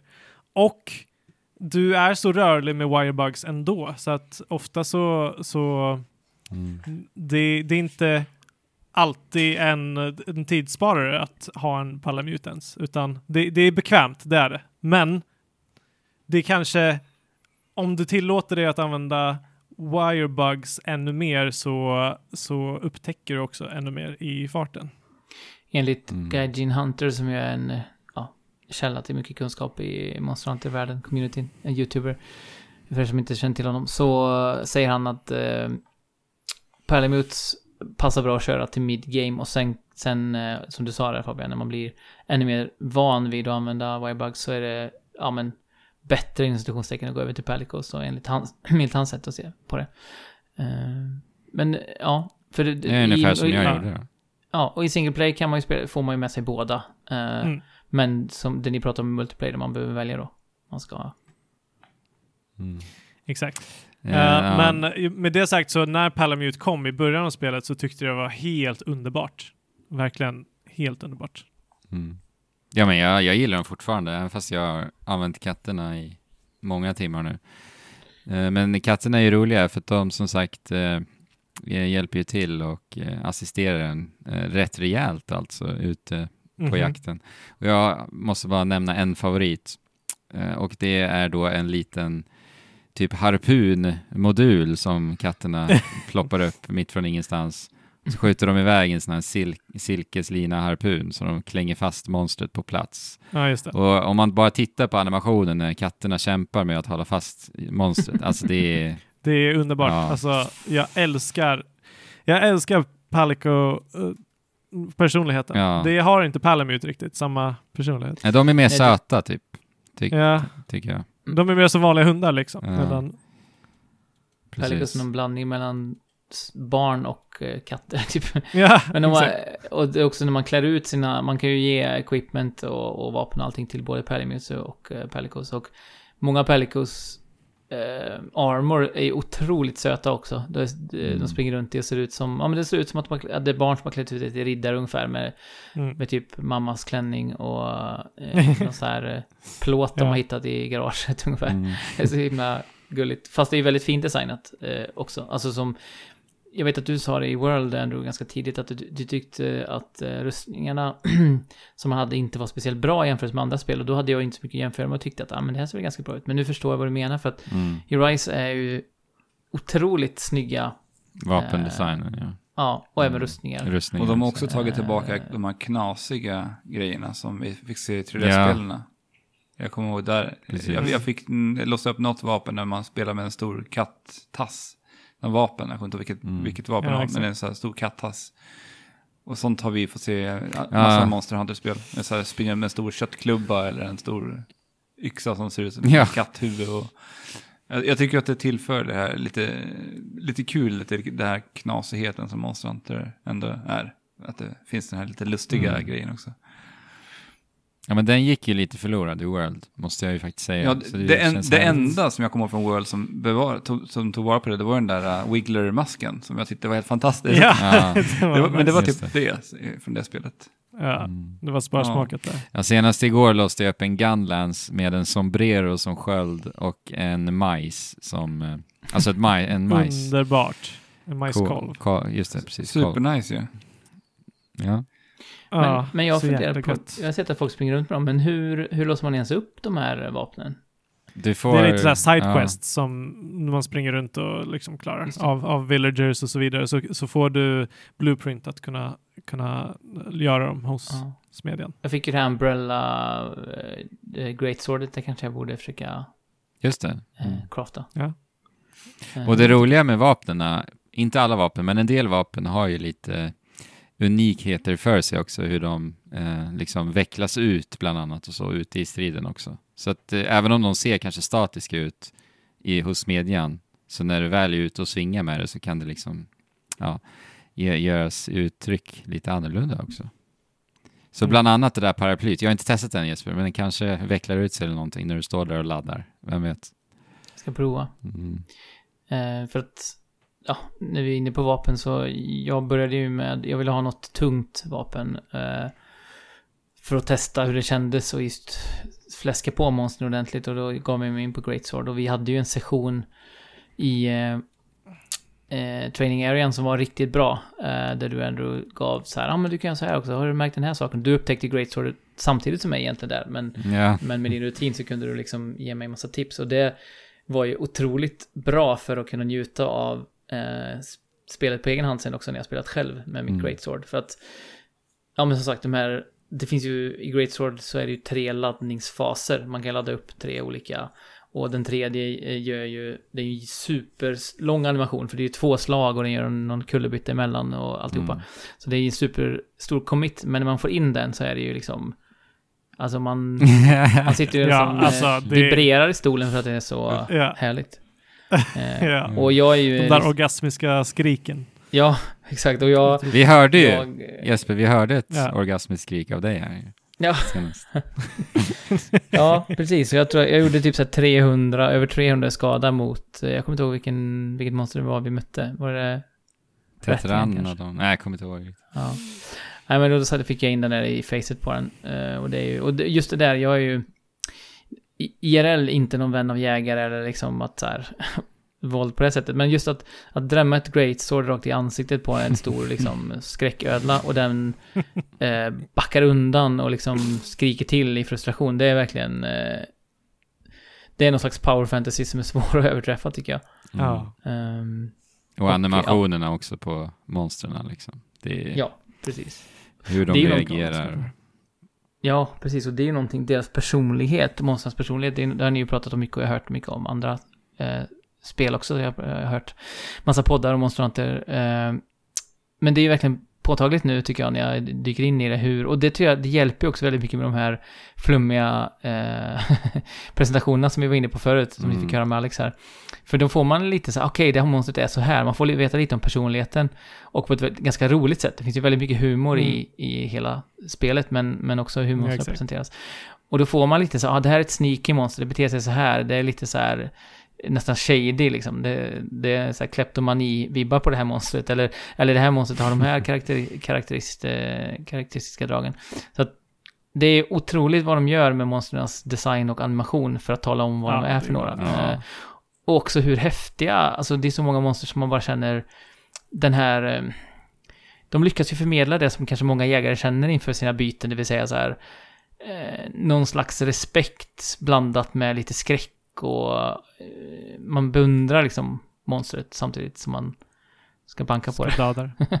Ja. Det är en konstiga motstridiga känslor som spelet ger. Mm. Eh, Men ganska häftigt att man kan Ja, det är ju det. Har ni någon eh, favorit? Ny, ja, för oss kanske något, någon ny favorit, ja, men Jesper, någon, någon favorit Du menar överlag? monster? Ja, i monsterväg. Ja, alla har ju verkligen sin, sin charm. Jag slogs mot Rathian nu senast här. Och det är väl en gammal klassisk eh, Monster Hunter, men det är ju... Vad, vad är det, de kallar den Queen of någonting. Queen of the Land, någonting sånt där tror jag det eh, Och Ja. den är Precis. den är riktigt häftig. Eh, en flygande T-Rex i princip. Mm. Eh, så att, men den, det är kanske ett lite basic svar. Eh, sådär. Men jag får, får säga det just nu så. Jag springer runt i Rathian eh, rustning och slogs precis ensam på tier 4 i Village mot Rathian. Och det var, jag kartade två Nice. gånger så jag klarade av den sista momangen. Så det var, ja, jag känner att jag har en connection till den. Ja, men precis. Det är din koppling till Rathian också Ja. som, som gör att du väljer henne. Mm. Ja, det, men alltså det är ju ett klassiskt monster, ett klassiskt val. Eh, var inte Rathalos typ första, eh, en av de första i alla fall, uh, huvudmonstren Jo, i hela spelserien? Monster Hunter 1. Yes. Ni andra då? Jag älskar ju den nya designen på de nya uh, monstren här i Rise. De har ju utgått ifrån väldigt mycket yokais, alltså eh, spöken baserade på japansk mytologi. Eh, och det finns många, det finns många bra att välja, eh, välja här. Får jag bara applådera monsterdesignen, de nya monstren. Jag, jag skulle säga Ja, typ får applådera hur mycket som helst. varenda en utav dem tycker jag är intressant och det känns, alla känns väldigt, väldigt kreativa. Kanske inte Great Isuchi, men jo, Nej, för men- att vara den typen av monster Great Isuchi är, det vill säga Ja, Eh, ja, egentligen. Kanonmat. Ja, men precis. Kanonmat, tutorial-bossen egentligen, eller monstret. Så tycker jag ändå att den har lite saker för sig som känns eh, lite kul. Just det här med ja, att eh, den strider i, i tillsammans i pack med, med två små, mindre Isuchis och så vidare. Men ja, Mm. alltså de nya monstren är helt, helt fenomenala tycker jag. inte bara, alltså eh, designen på dem är ju till skillnad, eller, ja, till skillnad från World där vi fick väldigt mycket reptiler, Mm. eh, väldigt mycket drakar. Här har vi här har de dragit på kreativiteten till Mm. max och det är så gött att se. Ja. Eh, jag, jag vill ju bara lyfta upp Tentranadon, den stora... kan du beskriva? eh, sjö- Beskriv! det, det, är en, det är en sköldpadde, anka, groda, eh, Bowser Krokodil. liknande grej. Krokodil. Krokodil, sumobrottare. Sumobrottare. Sum- ja. Att Ja. Den, den är helt underbar. Helt underbar. Ja. Det är en av mina favoriter också. Vad heter den som har en tvättsvamp på sig? Royal Ludolf. Ehm, Ja. Är den ny eller? Nej. Nej. Den gillar jag också Gammal. konceptet att den måste vara liksom i väta för att väta ner sin tvättsvamp Mm. till eh, man. mm. Eh, Ja, just det. Lejonet texturen kallar på jag man. den för. Den där, ja. mm, precis. Den har en sån här Lejonet. runt. Tvättsampslejon. Det är också lite charmigt när man spelar Monster Hunter, för man ger alltid monstren sina egna namn. När man inte kan dem. Ja. Jag kallar den där för, jag Ja. kallar den där um, krokodilgrejen för bara för paddan liksom. Det är, Paddan. får bara heta paddan. Ja. Och du, du sa där tvättsvampen. Det, är, det tycker jag är till för mycket Men- till det här spelet också. ja, verkligen. Men ni då? Något favoritmonster? Något nytt helst? Ehm, Alex, kör. Ja, jag skulle säga eh, den här fågeln, Ak, eh, Aknosom. Och, Ah, Aknosom. Mm. Ja. och även är Bishaten som är det här flummiga Ja. monstret som har liksom en, som en hand på svansen så den greppar olika frukter eller vad det är som den spränger. Ja. Alltså, det konceptet. Den är för bra. Det som konceptet är så Ja. kul. Den är som en apa är väl grunden till den Ja. eh, monstret. Men det ser inte ut som en Ja. apa, det ser mer ut som någon slags fågel nästan. Eller? Ja, Ja. typ. Och eh, det, det, den har rörelsemönster likt en sån här fjäderleksak, ni vet. Som, som ja, boingar runt och står på plats. Ja. Så jäkla coolt alltså. Eh, och Så som sagt den där svansen med kläck, nej det är så frukter släng, slängs och... det Men, är som man eh, kan plocka upp och kasta tillbaka på honom. Ja. Det men jag måste nog säga Goss Harag är en stor favorit Mm. av de nya. Så- Den är riktigt är alltså cool. typ någon form av jet, yokai yeti typ. Ja. Mm. Eh, och sen eh, det, det, det, konceptet kring Goss Harag är väl lite att den här rackaren typ skapar som issvärd på sina nävar genom att andas på nävarna med sin kalla, kalla, kalla andetag. Eh, och så får den en lite sån här röd ton i hyn eh, och då initierar sin liksom arga fas. För det är ju någonting som är så, så sjukt eh, eh, underbart med Monster Hunter överlag, just hur dynamiska monstren är också. De reagerar ju Mm. och på vad som händer i striden och eh, förändrar rörelsemönster ut efter eh, stridens förlopp och sånt där. Och just Och- Goss Harag är, tycker jag är helt fenomenal på det sättet.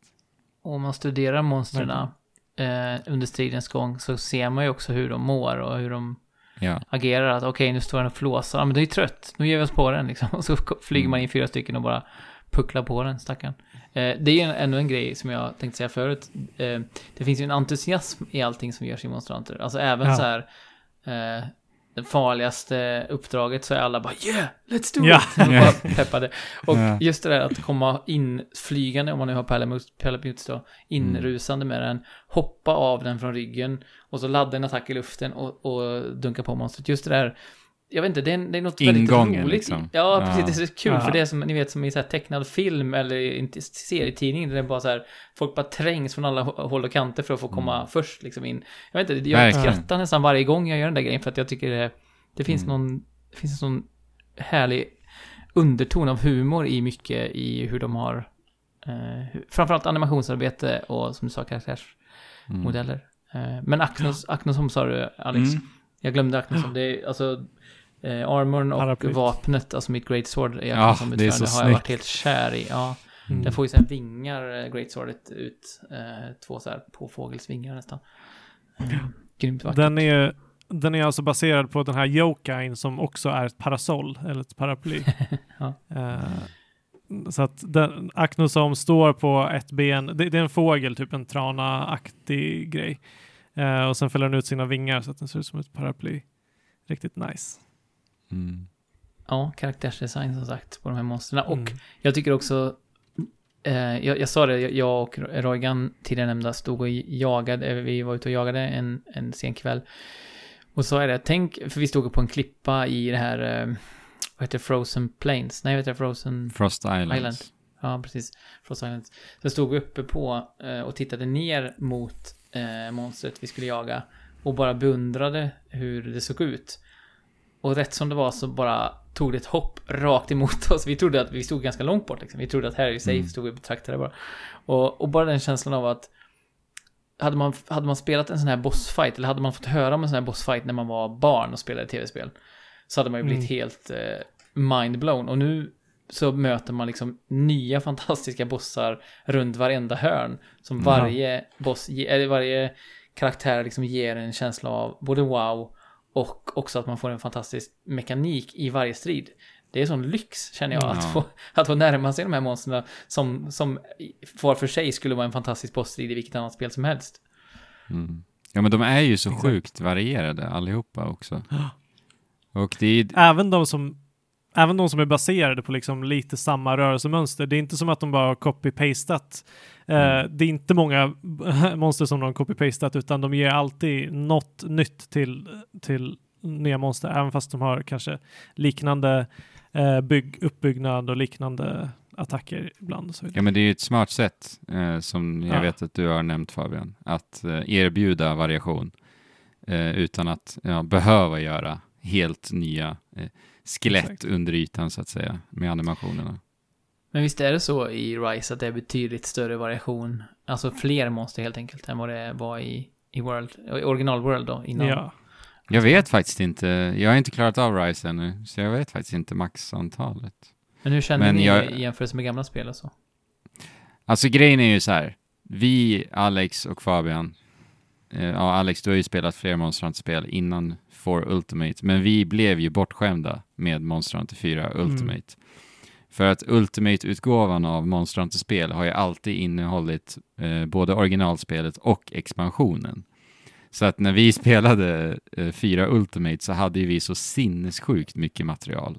Alltså det var ju uppemot 80 Ja. monster, stora monster i 4 Ultimate. Så att jag har ju, jag har ju liksom fått så här revidera om lite hur jag jämför Monster Hunter-spel faktiskt när jag, när jag liksom insåg det här. Bara, men vänta nu Andrew, det var ju faktiskt egentligen två spel i ett du spelade där som ditt första initiala Monster Hunter-spel.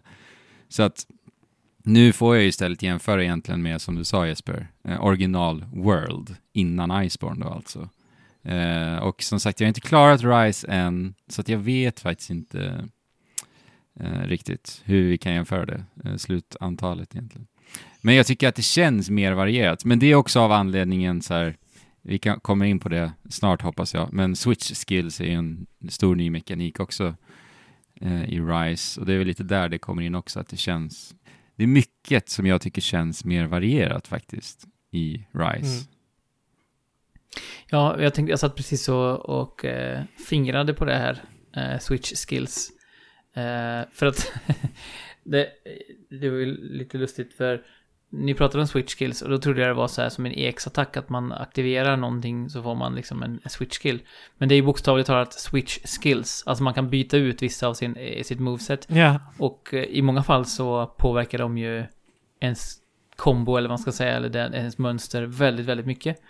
Ehm, Det kan till exempel vara som i mitt fall med Great Sword att jag istället för att eh, jag har en slags ta- tackling eh, så kan jag med den switch-varianten av den tackla igenom ett monster eh, och också då ladda upp den här charge-attacken som jag har och, och hoppa över första steget i den och komma direkt till Mm. andra. Ehm, och det finns väl ännu större, jag menar du, Andrew pratade om eh, en, eh, en raketfärd eh, färd som du fick i med en av dina switch-skills. Ja, med Gunlands. Alltså Gunlands, jag älskar det vapnet så mycket. Jag har ju sagt det åtaliga gånger i den här podden nu. Men nu när jag har fått spela Gunlands i fullspelet och sen så låste jag upp den här switch-skillen, den heter Blast Dash. så alltså, jag hade tills att jag fick den här haft så ofantligt roligt med Gunlands. Så jag tänkte så här, det här vapnet är en, det är en av mina favoriter. Sen bara, Ja. Hörru Andrew, här ska du få typ det roligaste mekaniken som du någonsin har latchat med i ett spel någonsin. Nej men typ, alltså det var nästan på den nivån. Och så fick, testade jag det här och det är Ja. så direkt roligt så att ni anar det inte. Alltså den liksom respons, audiovisuella responsen när du använder det här är perfekt.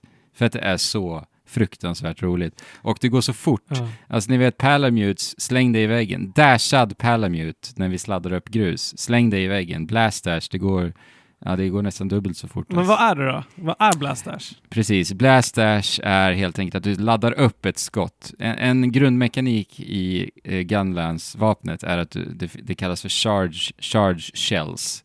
Och det innebär Mm. att du håller in eh, knappen där vi skjuter. För Gunlance är ett vapen där vi kan skjuta eh, som en shotgun-skott egentligen. Eh, och vi kan använda det som, en, som ett spjut, en lance helt enkelt.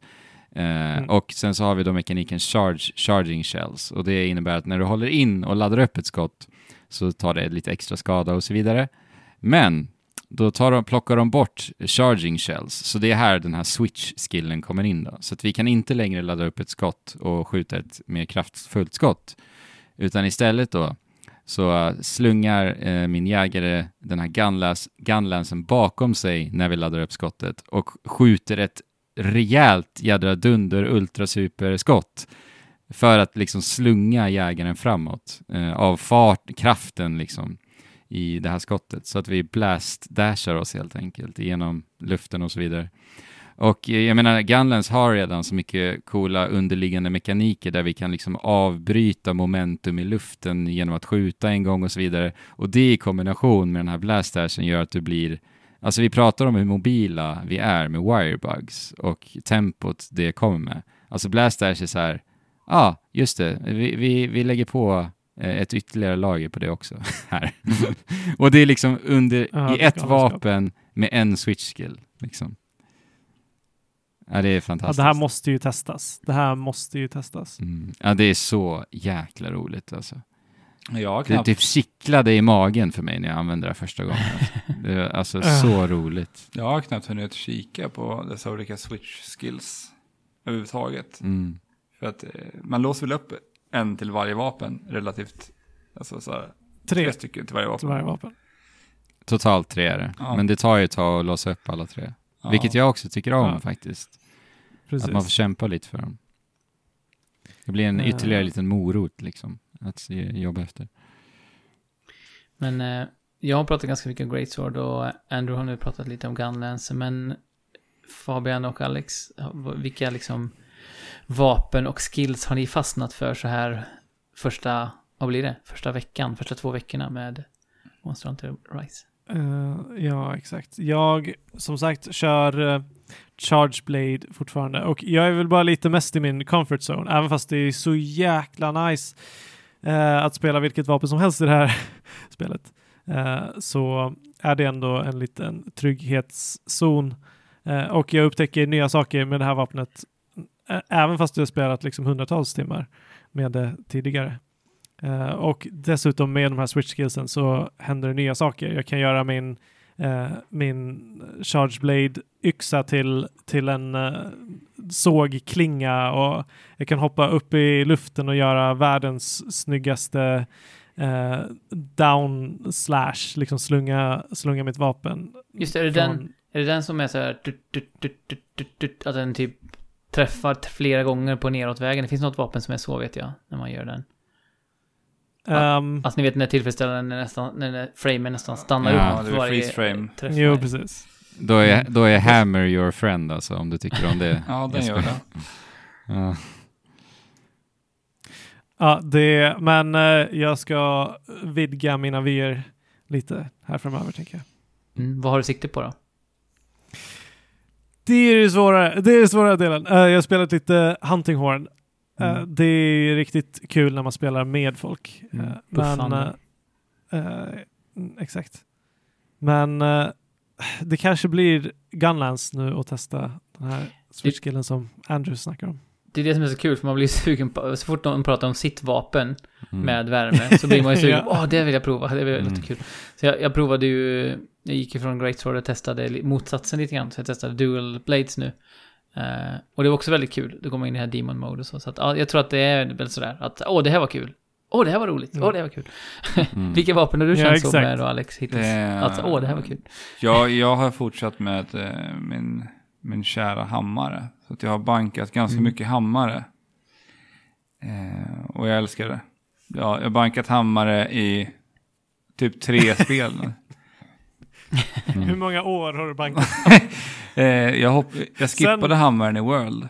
Och spelade Heavy Ja. Pogan där istället. Och sen har jag bara fortsatt med det nu. Och de har ju tagit med sig, som jag förstått det, så är det lite nya mekaniker som de införde i Iceborne. Där man kan så här, ladda upp sin hammare till ett Mm, nytt state. okej. Eh, Men det, det är riktigt tillfredsställande och eh, kul. Eh, sen bytte jag och test, tänkte att jag skulle bygga ett... Eh, jag älskar ju explosioner, bomb, bomba saker. Så jag hade en idé om att jag ville bygga ett med ett bombset. Så jag craftade en eh, light bowgun som har mycket sticky, sticky ammo och klusterbomber och allt sånt där. Men det visade sig att jag, jag hade inte råd att eh, för, för spela det här vapnet. för att eh, jag, jag, hade inte, jag har inte kommit så långt på mina submarines. Vilket gör att jag kan crafta mina, det, här, det är lite dyrare ammon. Så att jag måste köpa all ammunition hela tiden. Så att det, det gick några Ja. fighter och sen så köpte jag upp eh, ammo för allt det jag hade.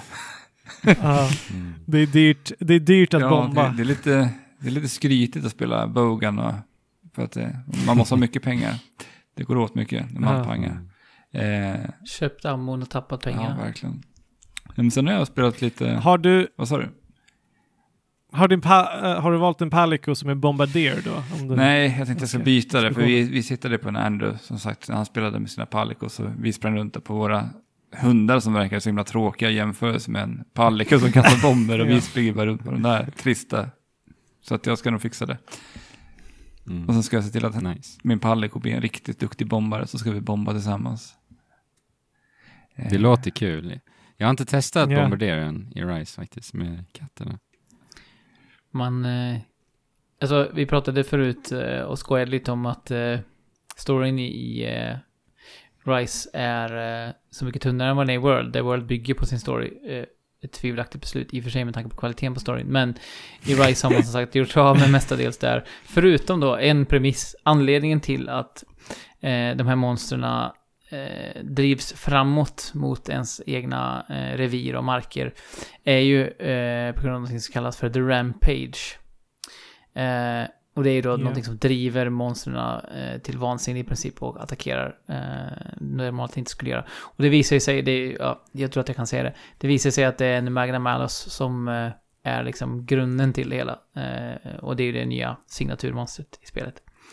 Och i och med det här så kommer då ett spelläge som heter Rampage, som ju faktiskt är ett slags tower defense-läge nästan kan man säga. Jajamän. Mhm. Eh, jag har spelat det här två gånger. Först spelade jag det med er och var så här, åh perfekt, eh, för jag ska spela det i single play sen, eh, i mitt nästa uppdrag. Så då kommer jag liksom ha lärt mig hur man ska göra, så det är perfekt. Och så insåg jag att, aha, det var verkligen raka motsatsen. Mm. Jag var helt förvirrad, frustrerad, bara tyckte det var skittråkigt. Ja. Ehm, sen i slutet så blev det ändå roligare när, när man började förstå och, eh, och så. Men, eh, och nu har jag kört i single play också och då var det ju, det var ju, jag skulle ha gjort tvärtom för i single play blir man ju sönder tutorialad. Då Ja, får man ju liksom förklarat in i Ja, minsta verkligen. detalj. Jag gjorde samma Men- misstag som du. Och då var, det, då var det jobbigt för att då visste man ju vad man skulle göra och då fick man massa. Ja, exakt. Men, ja. men eh, eh, vad är, vi sa att det var ett tower defense-läge, men kan ni beskriva lite mer vad det är man gör? Um, ja, i sant Tower defense manér så sätter du ju upp massa torn som eh, automatiskt skjuter på monster som kommer i vågor och försöker slå sönder eh, din port. Och innan, innan monstren når till porten så måste den gå igenom uh, en liten labyrint uh, i princip.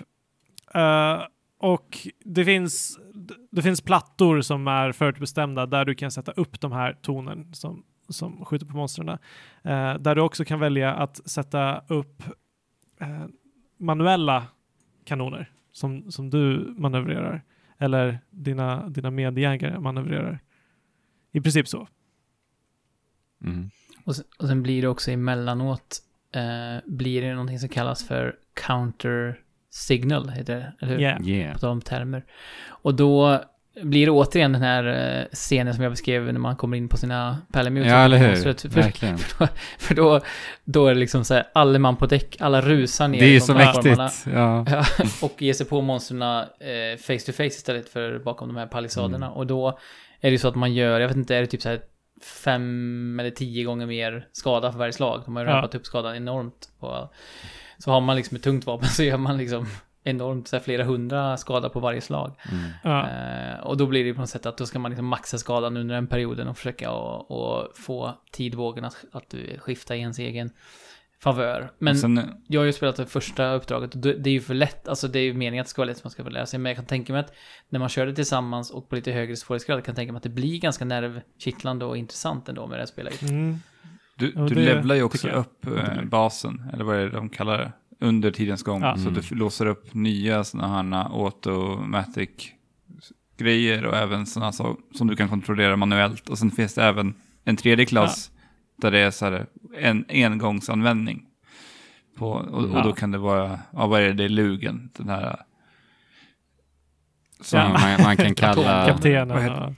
Nej, man kan Ja. kalla på byborna helt Ja, enkelt. precis. Så Ja. hjälper de till lite. Ja, sen så försvinner de. Så att man måste, då får man se till att sätta ut dem när läget är riktigt Sen fritt. finns det ju det här, Sen runt omkring så finns det lite sen andra finns det vapen. ju det här de droppar under Rampage-questen också. det Ja, här exakt, materialet som man behöver samla på sig. För att det använder, visst är det så att man använder något vapen? Jag har bara spelat Ja. det här två gånger också typ. Eh, det blir som eh, bombtunnor fast, alla, fast det är ju massa olika element. Så att du samlar på dig massa så här, eltunnor, vattentunnor och så vidare. Som man kan lägga vid minorna som du kan mm, placera ut eh, på liknande plattformar där monstren går, där det inte liksom är upphöjt. Och då gör de extra skada när de sprängs. Och det här gör ju att man måste, du, du måste åka fram och tillbaka hela tiden, installera om massa torn och, och så vidare. Och kommunicera Eh, ändå. Eller hur? Och kommunicera. ja. Ja, precis. Om, eller om du inte kommunicerar, då är det fullständigt kaos. Eh, jag, jag hoppade in när jag inte kunde köra voice chat och körde en rampage med dig och Och du Erik, dog. Andrew. Och det var kaos. Mm. Det var kaos. Alltså, jag hade min plan och så satte jag upp det. Sen så, sen så om man eh, installerar ett torn som, eh, som man har fullt av, för att man har begränsade antal som man kan installera. Just. Eh, då försvinner en av de tornen som du redan har installerat och eh, dyker upp på den platsen som du valde senast. Eh, och det här gjorde Erik hela tiden för mig och jag bara nej, jag har min plan, det här blir skitbra, låt det vara så. Men det sprack ju totalt Mm. om man inte pratar med De här varandra. monstren är ju också kategoriserade i olika Mm. typer av klasser som också Just definierar lite vad deras fokus kommer vara under den här fighten. Vi har de här, ja, vad de kallar de här tre. Eh, en eh, som är, representerar de stora monstren som kommer bara gå på att ta sönder alla gatesen. Ja, Sen har vi flygande precis. och vad är det den tredje är? Det är de som attackerar Jägare. Ja. Ja. Precis. Mm, De flygande attackerar stationerna. Precis. Men jag har ju tyckt att det här, det har ju verkligen stått i vägen för mig. För det är ju så här urgent quests som man måste göra för att gå upp till nästa hunter rank level då. Ehm, eller det är liksom obligatoriska uppdrag. Och jag har verkligen tyckt att, ah, bara låt mig få jaga. Och det beror kanske på att jag har begränsat med speltid också. Jag vill bara liksom ge mig ut i de här jakterna. Så jag har tyckt att det har varit ett frustrerande avbrott. Även om jag nu som sagt ser potentialen. Men jag vet inte, hur, har ni tyckt att det har varit en bra tempoväxlare? Eller hur har ni känt med läget? Jag har ju bara spelat det här två gånger. En gång i Village Quest, vilket Ja. bara var en tutorial. Så att Tutorial, det, ja. det stoppar inte med så mycket. Jag tyckte det var uppfriskande med att det, det hände någonting annat och att de vågar introducera ett Mm. nytt spelläge i Monster Hunter. Att de, så, så att det, Mm. där kändes det ändå nytt och fräscht. Ja, men... Det känns ju som en vidareutveckling på eh, Monster Hunters, de här eh, spektakulära eh, sekvenserna där vi har tagit oss an så här kolossalt stora monster. Jag tänker på Sora Magnaros i Monster Hunter World. Vi har Lao Shang, att han var i, i Generations. Eh, och där ser man ju att det är lite Mm. det, det DNA de har liksom vidareutvecklat, eh, kan jag tycka. Och Jo. Jag tycker att Rampage är den bästa iterationen utav den typen av spelläge i ett Monster Hunter-spel. Faktiskt. Eh, för att det är, det är väl lite så här kaosartat som sagt, men det är ett kul kaos eh, och det kräver som sagt att man kommunicerar. Det, det blir lite annorlunda, alltså det är ju Spelet heter Monster Hunter, det här spelläget kanske snarare Ja. säger Monster Slayer eller någonting, jag vet inte. Eh, Så att typ vikten och tyngden som du var lite inne på Jesper där tidigare också med, med monstren och så vidare försvinner väl lite. Att ja, Mm. peppra lite ballistaskott och lite kanonskott och sen vips. Så, ja. Vi dödar dem ju faktiskt inte i, Ja, de flyr bara. Rampage. Nej, just det. Ja, exakt, de flyr bara. Men ja, jag, Ja, men jag, tycker, jag, håller, jag håller med just att det, att det gör monstren billigare än vad de är annars. Liksom. Ja. Det, de kommer Ja, på löpande band. visst. Det är lite så här, lite samma känsla som jag nämnde i, eh, i Bowsers Revenge när man blir stora Cat Mario. mm. Att det känns lite som fladdrigt eller tomt. Lite samma känsla får jag när man kör Rampage. Eh, Ja, Men jag tycker att det är ett kul experiment. Men- Det är kul att de testar lite. Och det är ju ett spelläge som du i princip inte behöver röra. Vad jag har upplevt hittills i alla fall. Och jag, jag tittar på hur många jag har spelat och det, jag har spelat nio Rampages. Och jag har ändå kul med det, så att jag tycker om det. Men jag landar väl lite samma. Eh, det är absolut ingenting uh, superspektakulärt.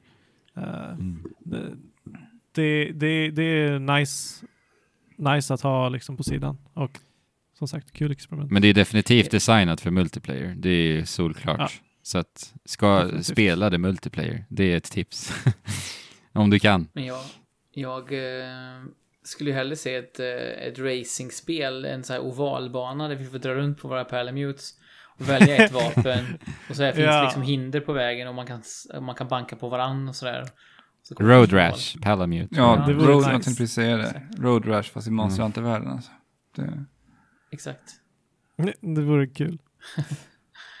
ja, men eh, de borde, det finns ju potential att eh, ta av uh, Palamute Dashen. Alltså. Jag tycker också att mat, alltså maten är ju så central i, i Monster Hunter och, och att slipa vapen och sånt. De skulle lägga in fler minispelsaspekter i dem också, att det finns ett rytmspel när man gör maten. Och när man slipar så skulle det kunna finnas en så här... Eh, Active reload golf, typ. Ja, golfspel precis. Mm. Så att man fick, Ja, alltså att man fick den perfekt slipad, fick en liten bonus eller kanske bara Ja. att man fick upp den fullt slipad. Det finns ju potential att göra lite så här små eh, touches här och Ja, var. exakt. Mm. Active Reload var en riktigt nice grej. Har du lagat kött någon gång? jag har inte gjort det Nej, jag har inte gjort det i Rise. Jag tänkte precis fråga, är det lika trevligt att laga, grilla köttet i Rise?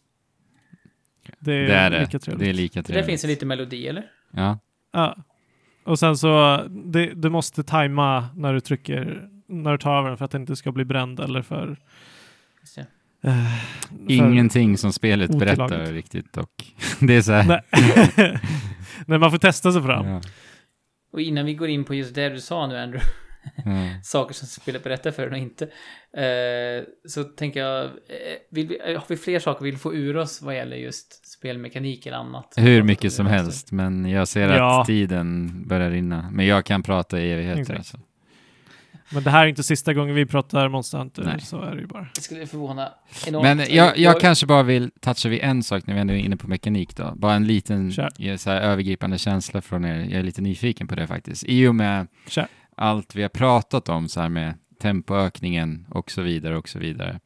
Så här, var, var ställer ni er till eh, nu när det är ett, framförallt Alex och Fabian då, nu när det ändå är ett Monster Hunter-spel här. Eh, är ni tillfreds med vad de gör, med actionbetoningen, eller känner ni att ni kanske på något sätt kan sakna eh, det lite mer strategiska eh, ifrån de tidigare spelen? Jag känner, alltså vissa aspekter skulle de kunna liksom ta tillbaka, eller ta ett steg tillbaka och eh, liksom öka på den här eh, förberedelsekänslan som lite har gått Eller förlorad. hur? Det håller jag med om. Det, det tycker jag är lite tråkigt att det, det har blivit strömlinjeformat eller det har blivit så mycket qu- quality of life förändringar som har eh, lite tagit bort det som gör att man känner sig eh, liksom lite utsatt i den här världen också. Mm. Och att du måste du- måste verkligen förbereda dig och tänka på vad du gör innan du går ut och så vidare. Men, Det är skönt de gångerna eh, som, som man får uppleva de nya sakerna. Ja, det är det. men, men tror du inte Eh, att det där men är... det skap, Ja, förlåt. det tar bort, det tar ju fortfarande bort de här gångerna, eller de situationerna som uppstår eh, av sådana moment. Fattar ni? Alltså, Mm. Vi, har- vi har ingen cold drink eller hot drink och så vidare. Eh, du kan alltid gå till tältet och, eh, och ta med dig vad som helst. Eh, det, det brukade uppstå lite så här historier kring det där i de förra spelen. Mm. Ja, det där började ju också i World.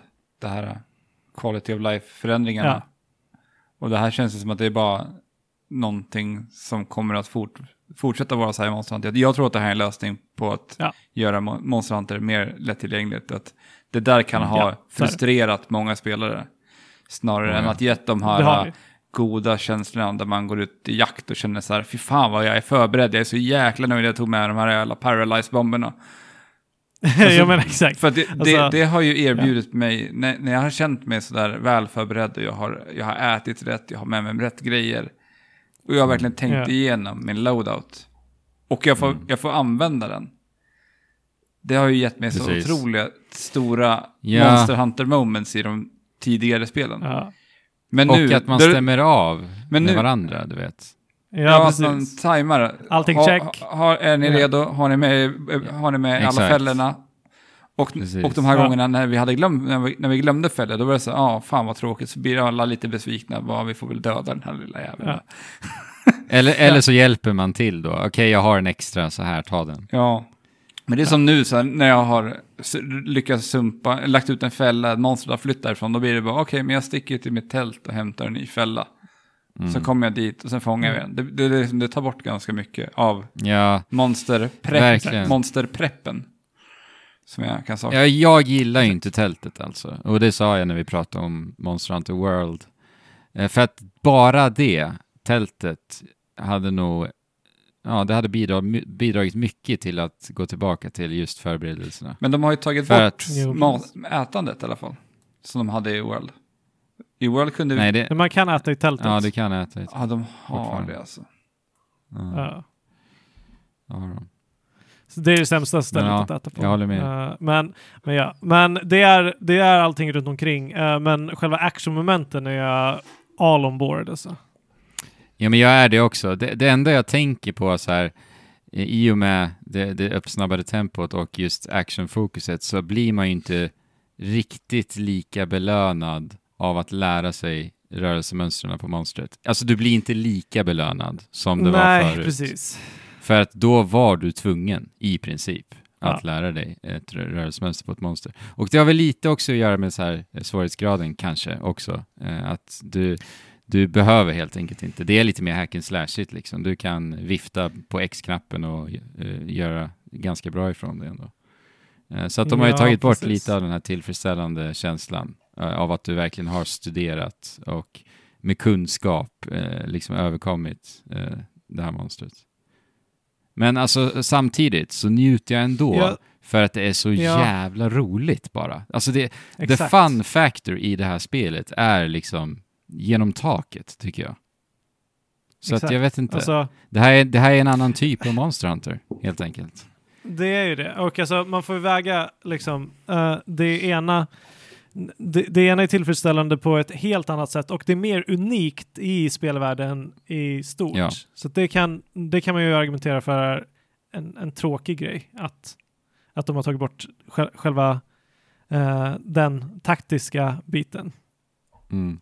Men som sagt, det väger mot att det är ett riktigt jäkla nice gameplay. Men alltså, Eh, med, med det som sagt. är kul. ändå. Med det sagt så måste jag ändå säga, min Magnamalo-strid i demot, den var ändå där alltså. Den var i, Ja. i det gamla Monster Hunter. För att där var jag verkligen tvungen. Ja, det var ju det vi, Så att man kanske kan få det bästa av båda världarna ändå. det där var ju någonting Mm. vi pratade om när vi spelade demot, Andrew. Att de här uh, beta demomonstren för de två senaste spelen Ja, är ju de monstren som har varit de mest utmanande och kanske Ja. gett de bästa fighterna i de två senaste Monster Exakt. Precis. Mm. Jag, jag, jag sa ju det i World och jag säger det igen. Den bästa striden jag har haft i Rise är fortfarande Magnamalo i demot. Det är den bästa striden jag har Ja. haft. Ja. Och Men alltså, i- här dör man i- inte. Man dör inte, man förlorar, man misslyckas inte i Rise. Nej. Det kan ju naturligtvis ha att göra med att vi har spelat ganska mycket Monster Hunter och har blivit bättre. Mm. Eh, men, men det är uppenbarligen inte hela historien. Eh, det är ju enklare också. Det är med hack and slash. Vad Och här vill jag ju trycka på ett spelläge som jag tycker är väldigt eh, förbisett. Ja, just det. Som jag har spelat Ja. mycket i de tidigare spelen. Men jag har spelat mycket, man kan spela bara två personer här. Och det är ju Arena Quest. Som jag tycker, Ah. har- jag, jag har inte spelat med Rise överhuvudtaget. Jag skulle spela med Andrew så kom jag på just det, man kan ju bara vara två stycken i en, en Arena Quest. Men här får du ju välja mellan ett, det är ett visst antal vapen med förberedda loadouts. Det är liksom med hela Ja. sets och ett random vapen. Och sen har varje set en random item loadout.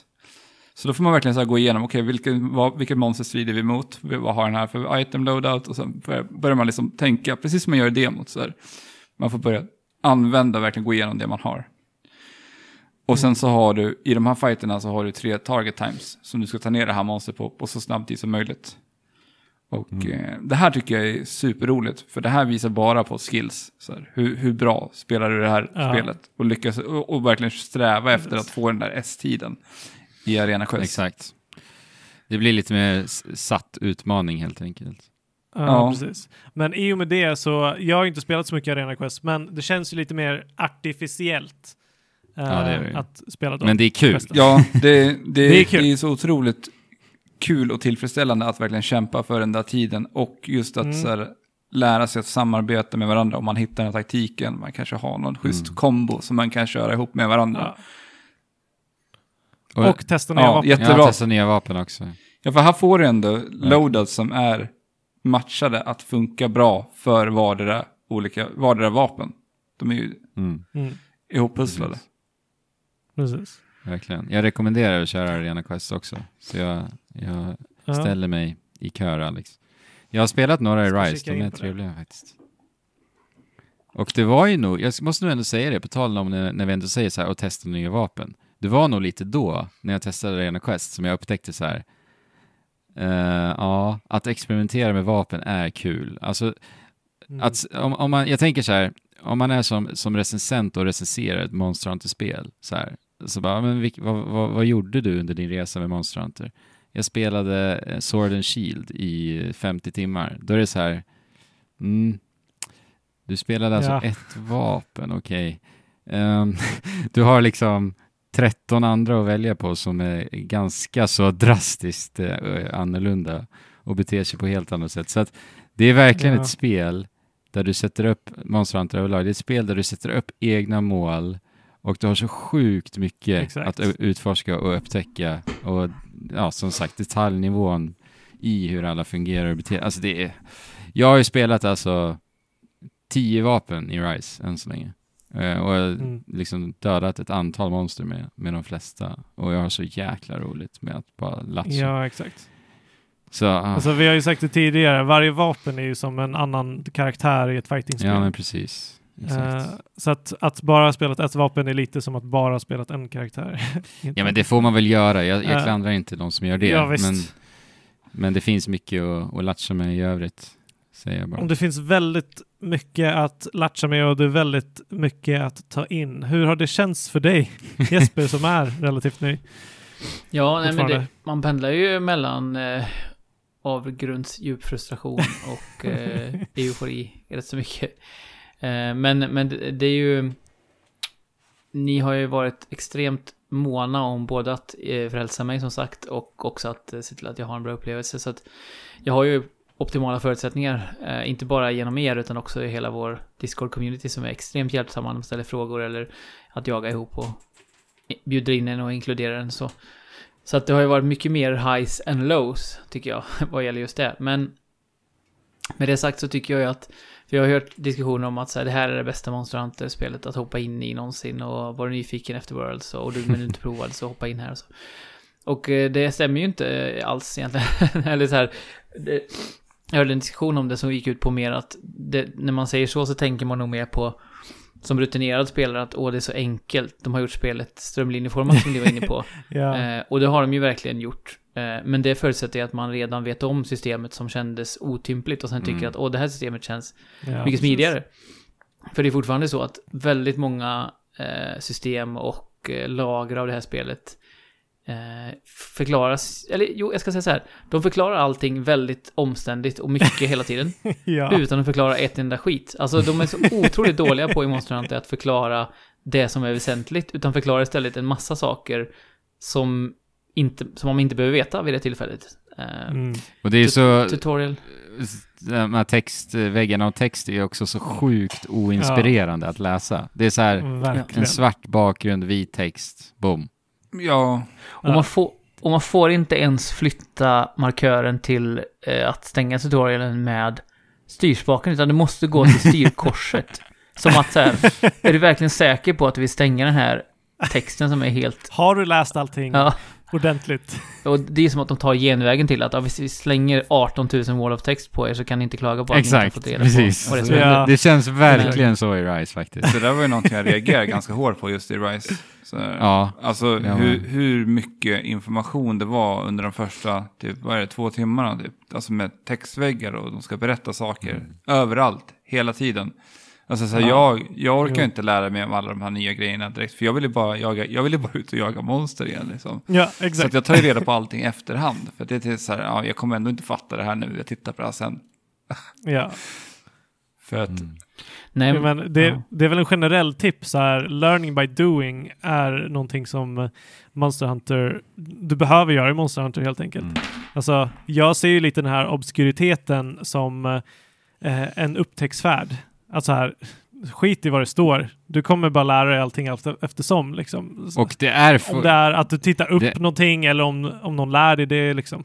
det är ju också fortfarande så sjukt mycket de inte förklarar. mm. Det är ju Ja, verkligen det. jo. Som ugglan. Speciellt Kahoot. i... Kahoot tyckte jag var så konstigt. Ja. Det är en uggla. Jag, Ja, jag jag trodde liksom det skulle vara en, en stor grej.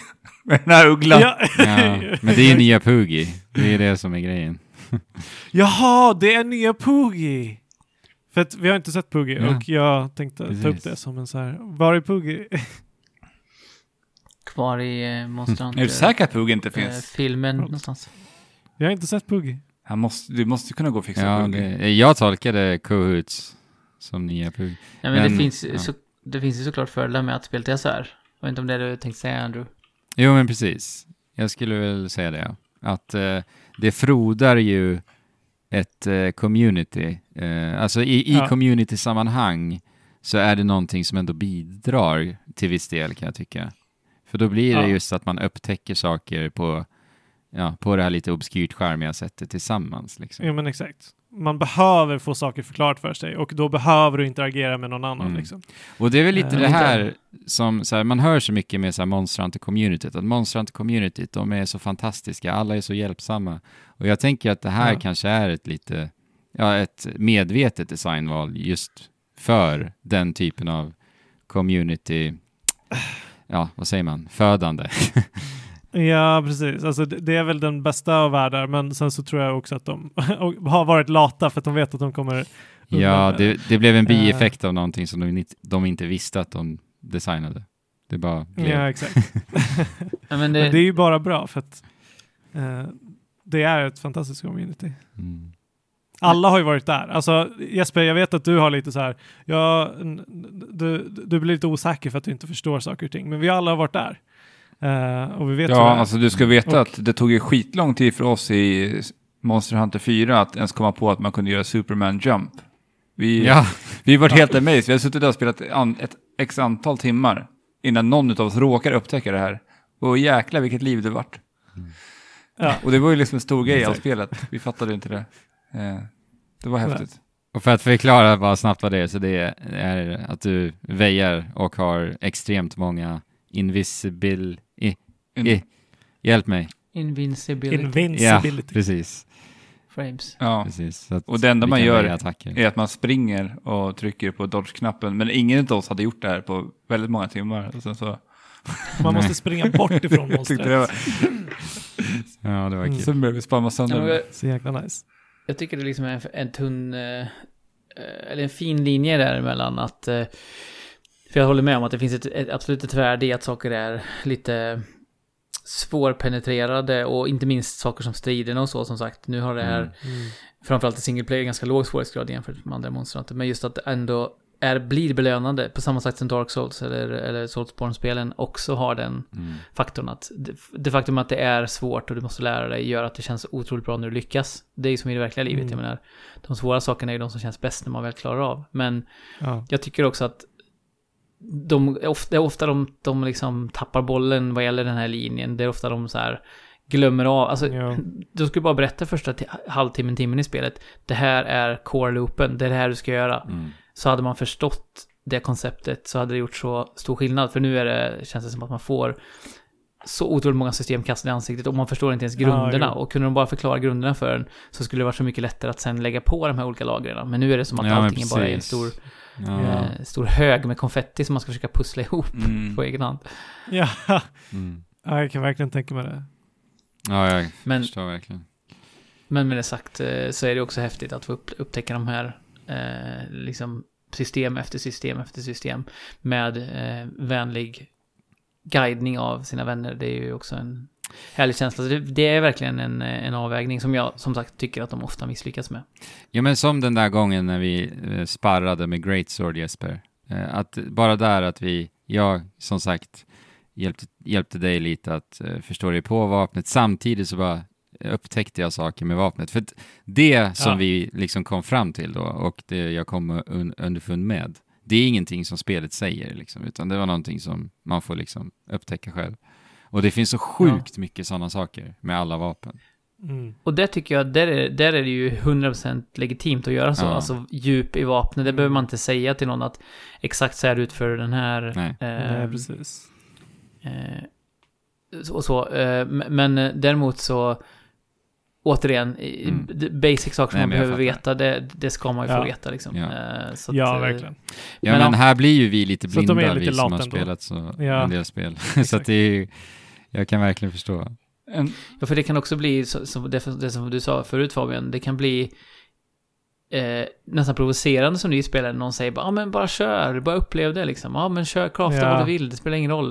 Och då blir man så här, fast jag vet ju ingenting, alltså så att jag behöver ju ramar liksom. Det blir så här Ja. ännu jobbigare att bara få, höra, gör precis vad du vill. För att jag vet, då blir jag ännu mer osäker på vad borde jag göra. Men, men det där borde finns Mm. väl inte, det är väl det som är nyckeln. Men, de berättar men, väl eh, inte ens i spelet hur du byter vapen innan du är ute på din första jakt? Nej, det är så sjukt. det är så sjukt. Ja. Också med temat så kan man ju tänka, okej man ska ha en katana i här spelet. Ja, att eller hur? Japan liksom. Man börjar ju med longsword, Mm. så... Ja, jesses. Ja. Eh, Ja. eh, jag har en förbättring som jag tycker är en jättestor grej för att vara Monster Hunter. Eh, jag har varit väldigt förvånad när jag upptäckte det här själv. Jag har spelat, jag har spelat majoriteten solo i Village Quest. Eh, körde igenom hela spelet innan jag gav mig ut på mitt första Hub Quest överhuvudtaget. Eh, och när jag hade kommit, jag tror det var till Hunter eh, Rank 3 i Village, så fick jag ett quest som var någon sån här eh, kvalificeringsquest. De säger, ja men du har blivit så pass bra och duktig jägare att gör du det här questet så kan du levla upp även i, i hubbquesterna. Mm. Ja. Och då Ja, kan, just du, då kan du gå ut på den jakten och sen så kan du levla upp din hubb-level. Och det här var ju något som var så otroligt frustrerande när vi satt och spelade på gamla goda 3DS-tiden. För att då hade man både Village Ja. Quest, Hub Quest. Och så ville man Precis. levla på båda. Då blir du alltid tvungen att köra igenom allting. Även de här låga levlarna i Hub-questerna som bara Ja. kostar dig tid. För att det, det är inte så att det kommer vara någon utmaning Ja, för dig verkligen. överhuvudtaget. Utan det kommer bara, det kommer bara kosta tid. Nej. Och de Ja. hade ju inte implementerat någon Ja, så här att du får eh, extra belöningar när du hjälper low rank folk och så. För det har de gjort nu faktiskt i Rise, vilket är fantastiskt. Jaha. Ja, så att om Nice. det är high rank och hjälper low rank folk så får du lite extra eh, high rank belöningar. Men det hade de Ja, men inte gött. i, i 3D-spelarna heller. Så. Nej. Nej. Och ändå kom det liksom Hunt Rank 100 folk och hjälpte oss när vi var liksom Exakt. mini. Ja, vi har ju såna, Ja. ja. vi, ja, så mycket härliga minnen med mästerjägare som bara hoppar in och hjälper en. Alltså. Ja, ja. Men i det här spelet så kan man ju faktiskt träna tillsammans och eh, som, som du sa Andrew, du visade Jesper hur man kan hantera ett great sword. Det har vi inte kunnat tidigare. Det är en fantastisk feature I love i det här it spelet. so much.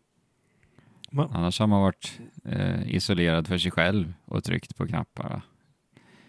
Ja, Så exakt. att vi hade inte kunnat gjort det där Eh. Jesper, i World. Nej, det är sant. Mm, Det, där har man, var man ju i något avskilt område på egen hand. precis. Eh, och det lat- latchandet ger ju väldigt mycket. Eh, det var ju mycket roligare att göra, göra det på det sättet också än att stå själv och hamra. Så fin Så scen väldigt- också tycker Ja, jag. ex- exakt vad jag ska säga. Ja. Ja, precis. Mm. Stora vattenfallet och, Mm. och bara det att man tar båten dit första gången innan man får... Man kan ju fast runt men man får inte göra det förrän man har tagit den här båten Precis. första gången. På tal om eh, ja, otydlighet och så vidare och så vidare. Den där båten är ju inte den lättaste Ja. att hitta alltså. Nej. Nej, jag inte fattade inte vart den där träningsarenan var överhuvudtaget. Nej. Men jag lyckades hitta, vad heter ska- det, Kahoot, eh, fågel, Nästet. fågelnästet där. I Buddy Plaza. Ja. kan man ju hitta lite godsaker där. Mm. Det har jag missat helt. Ja, men eh, då får ni Ja, ut och ut utforska. utforska Buddy Plaza Jesper så, och titta upp mot träden så kommer du nog hitta någonting. Ja, och jag är sugen på att göra det as we speak här. Eh, det är ju det enda negativa med att spela in den här podden är att det Ja. tar av vår Monster Hunter-tid. Exakt. Exakt. Men vi kanske hinner spela lite ikväll ändå, beroende på. Ja, det förutsätter jag. Ja. Men eh, vi kommer ju som sagt inte lämna Monster Hunter eh, Rise bakom oss uh, onekligen, utan vi kommer fortsätta spela det och vi kommer fortsätta prata om det. Men, men om vi ska försöka avrunda på något sätt eh, för den här, det här avsnittet vad gäller just Monster Hunter Rise. Är det några, någonting mer ni vill säga om upplevelsen med spelet? Ja, um, jag gillar ju en, en aspekt av det här lite mer, lite mer lättillgängliga, även fast det kanske inte är så lättillgängligt, är att det är, det är många nya spelare som kommer in och liksom finner sig och, och blir beroende av det här spelet. Och däribland har vi liksom eh, min svägerska och min syster till exempel som jag aldrig skulle kunna tänka mig någonsin skulle spela ett Monster Hunter-spel. som nu spelar Monster Hunter-spel. Eh, vilket är helt underbart för att vi vill ju bara ha mer och mer folk att spela med för att eh, det är så trevligt att jaga Mm. tillsammans. Precis, World Level har öppnat upp för många eh, också. Eh, just det här att eh, Mm. Monster Hunter kan vara ett spel som man tänker sig spela för innan har det känts som väldigt så här. Ja men det är en viss typ av person som spelar Monster Hunter men nu känns det Ja. som att den poolen har blivit mycket, mycket större till det här Och det är spelet. underbart. Och det har ju sålt som tusingen nu också så att World gjorde ju mycket smarta val helt enkelt. Definitivt. De, de gjorde bara World som en set piece för att folk skulle bli lurade att komma in i den här liksom, lite mer traditionella serien. Mm, Eh, som ett lockbete. Precis. Eh, Känns lite så faktiskt.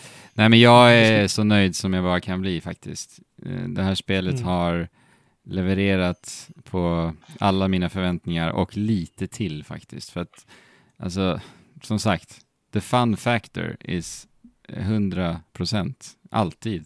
Jag har spelat i, Mm. i 80 timmar drygt nu, vilket är helt sinnessjukt. Jag har varit ledig ända sedan spelet släpptes, ska sägas också. Ja. Ehm, Men jag har verkligen njutit i 80 timmar. Alltså jag har inte haft tråkigt Mm. en endaste sekund. Verkligen inte. Alltså det är helt Har du varit galet. på några, några äggquest då? Jajamän, jag har, jag har fixat äh, ägghammar och grejer. Men du är kan ju fantastiskt faktiskt du kan ju springa och rulla med äggen nu, så det gör ju att äggquest Ja, inte är lika tråkiga längre. nice. Precis, och du kan åka rutschkana typ med, eh, lä- slänga dig på rumpan och glida ner för... Jag har ju dragit mig för att För göra äggquest. Testa, du kan slänga dig med wirebug och allting nu. Så det är Ah, ganska okej. gött. Sjukt. Kolla på mitt guild kanske- card, ja. eh, på tal om ägg. Jag har faktiskt en, ett Mm. äggfoto eh, på min guild card. Så att, eh, jag, vågar jag säga detta? Jag vet inte, men är det mitt favorit Monster Hunter-spel? Jag tror jag, jag vågar säga det faktiskt, att det är min favorit än så länge. Mm. Jo, jag säger det. Det här är mitt favorit Monster Okej. Hunter-spel. Då är det satt i sten. Mm.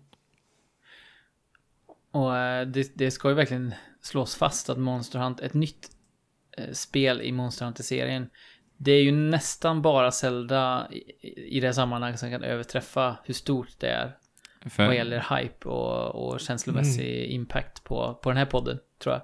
ja, Mm. Verkligen. och From Software Zelda är väl typ de för mig. Mm. Precis. Så jag... Och eh, om, om de ska släppa ett nytt Manhunt-spel för mig då förstås. Manhunt, var fick du det ifrån? Jag vet inte. Jag bara kom på något våldsamt spel. Postal. Ja. Ja, Ja. nej men så, så det är ju verkligen en, en högtid just nu. Det är liksom inte bara påsken som har pågått, utan det är liksom påsk, julafton, sommarlov och födelsedag på en gång i, i Discord och i, i vår lilla grupp. Mm. Verkligen. Men Eh, så- jag, jag är nyfiken på att höra Alex lilla slutord bara innan vi packar ihop. Alltså det, det, det dumma är att jag sitter och tänker på ett citat ifrån Monster Hunter-filmen just nu. Okej. Okej, Och det är, det perfekt. Nu blir det Monster Hunter-filmer spoiler här. Och det är, det är när Mila Jovic karaktär ska ut och jaga. Som fick mig att bli lite, lite Mm. peppad på den här filmen. det är när de är på det här när, när Sylla berget där. Och Mm. när hon säger till sin Mm. eh, polare där som hon precis bondat med. När hon säger it takes a monster to kill a monster. och så bryter de av någon liten del där och så ska börja crafta vapen. Då vart jag lite Ja. monster, alltså då vart man lite pepp att få se crafting. Verkligen. Jo. Jo. Så jävla lökigt citat, men eh, det, det fick den här lilla Mm. monster, eh, monsterfilmsnörden i mig att gå igång lite grann. Nice. Du Ja, menar att du har blivit, du har blivit ett eh, monster av att spela så mycket Monster Hunter? Alltså du är mo monstruöst intresserad och insatt i Monster Hunter Ja, Rise? men så är det ju, absolut. Ja, nej men jag, jag kan inte annat än att hålla med Andrew. Jag tycker att det här är mon- bästa Monster Hunter och Monster Hunter fortsätter att bli bättre för varje spel. Mm. Period. Mm. Word. Fabian då? Word. Nej, alltså. Ja, vad, vad kan jag säga som inte redan sagts här? Det, det är sanna ord som har yttrats. Och Jesper då?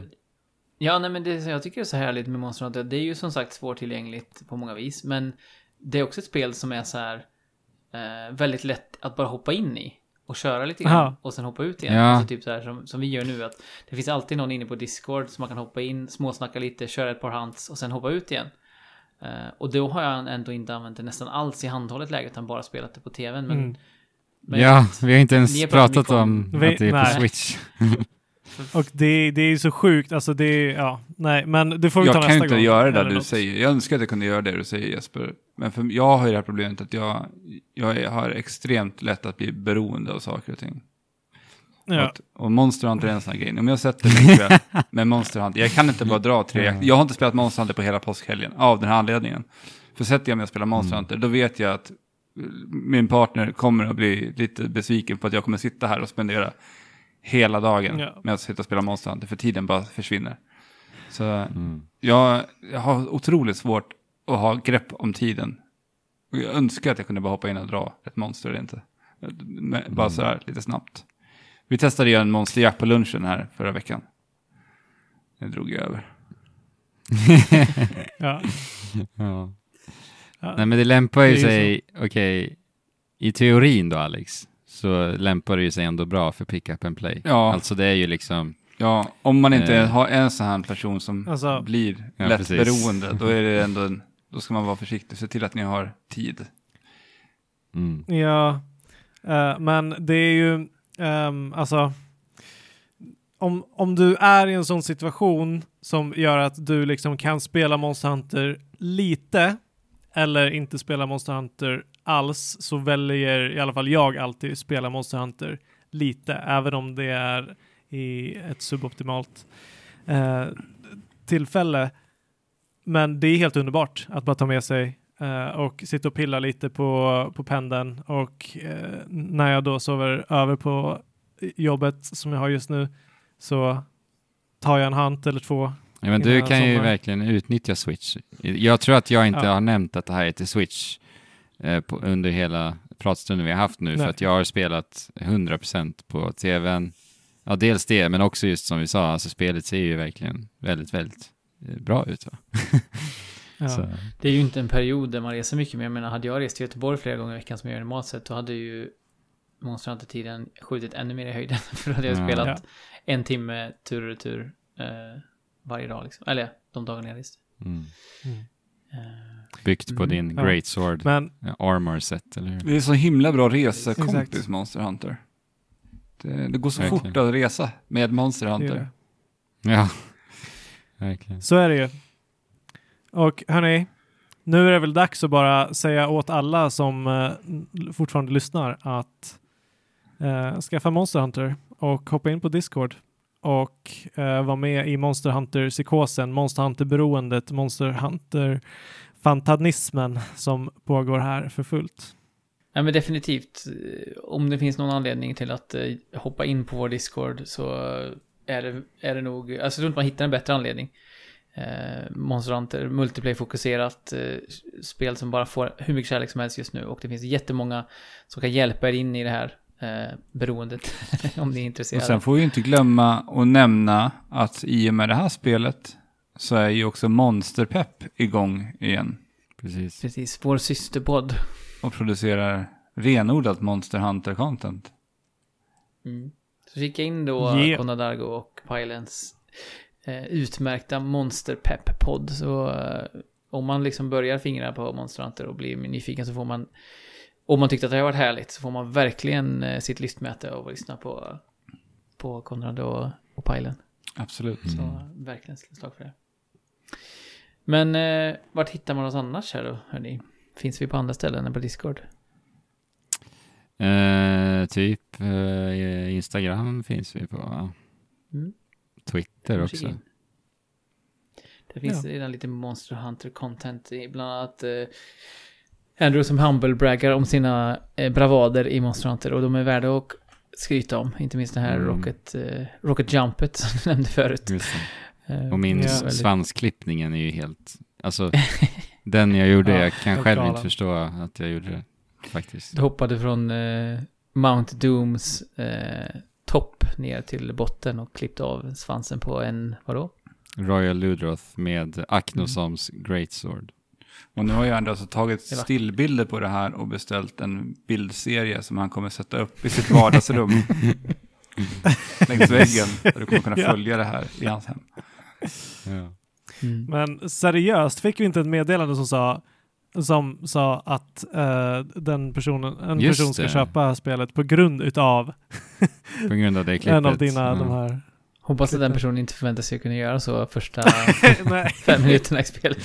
Nej. ja, första 500 timmarna. Precis.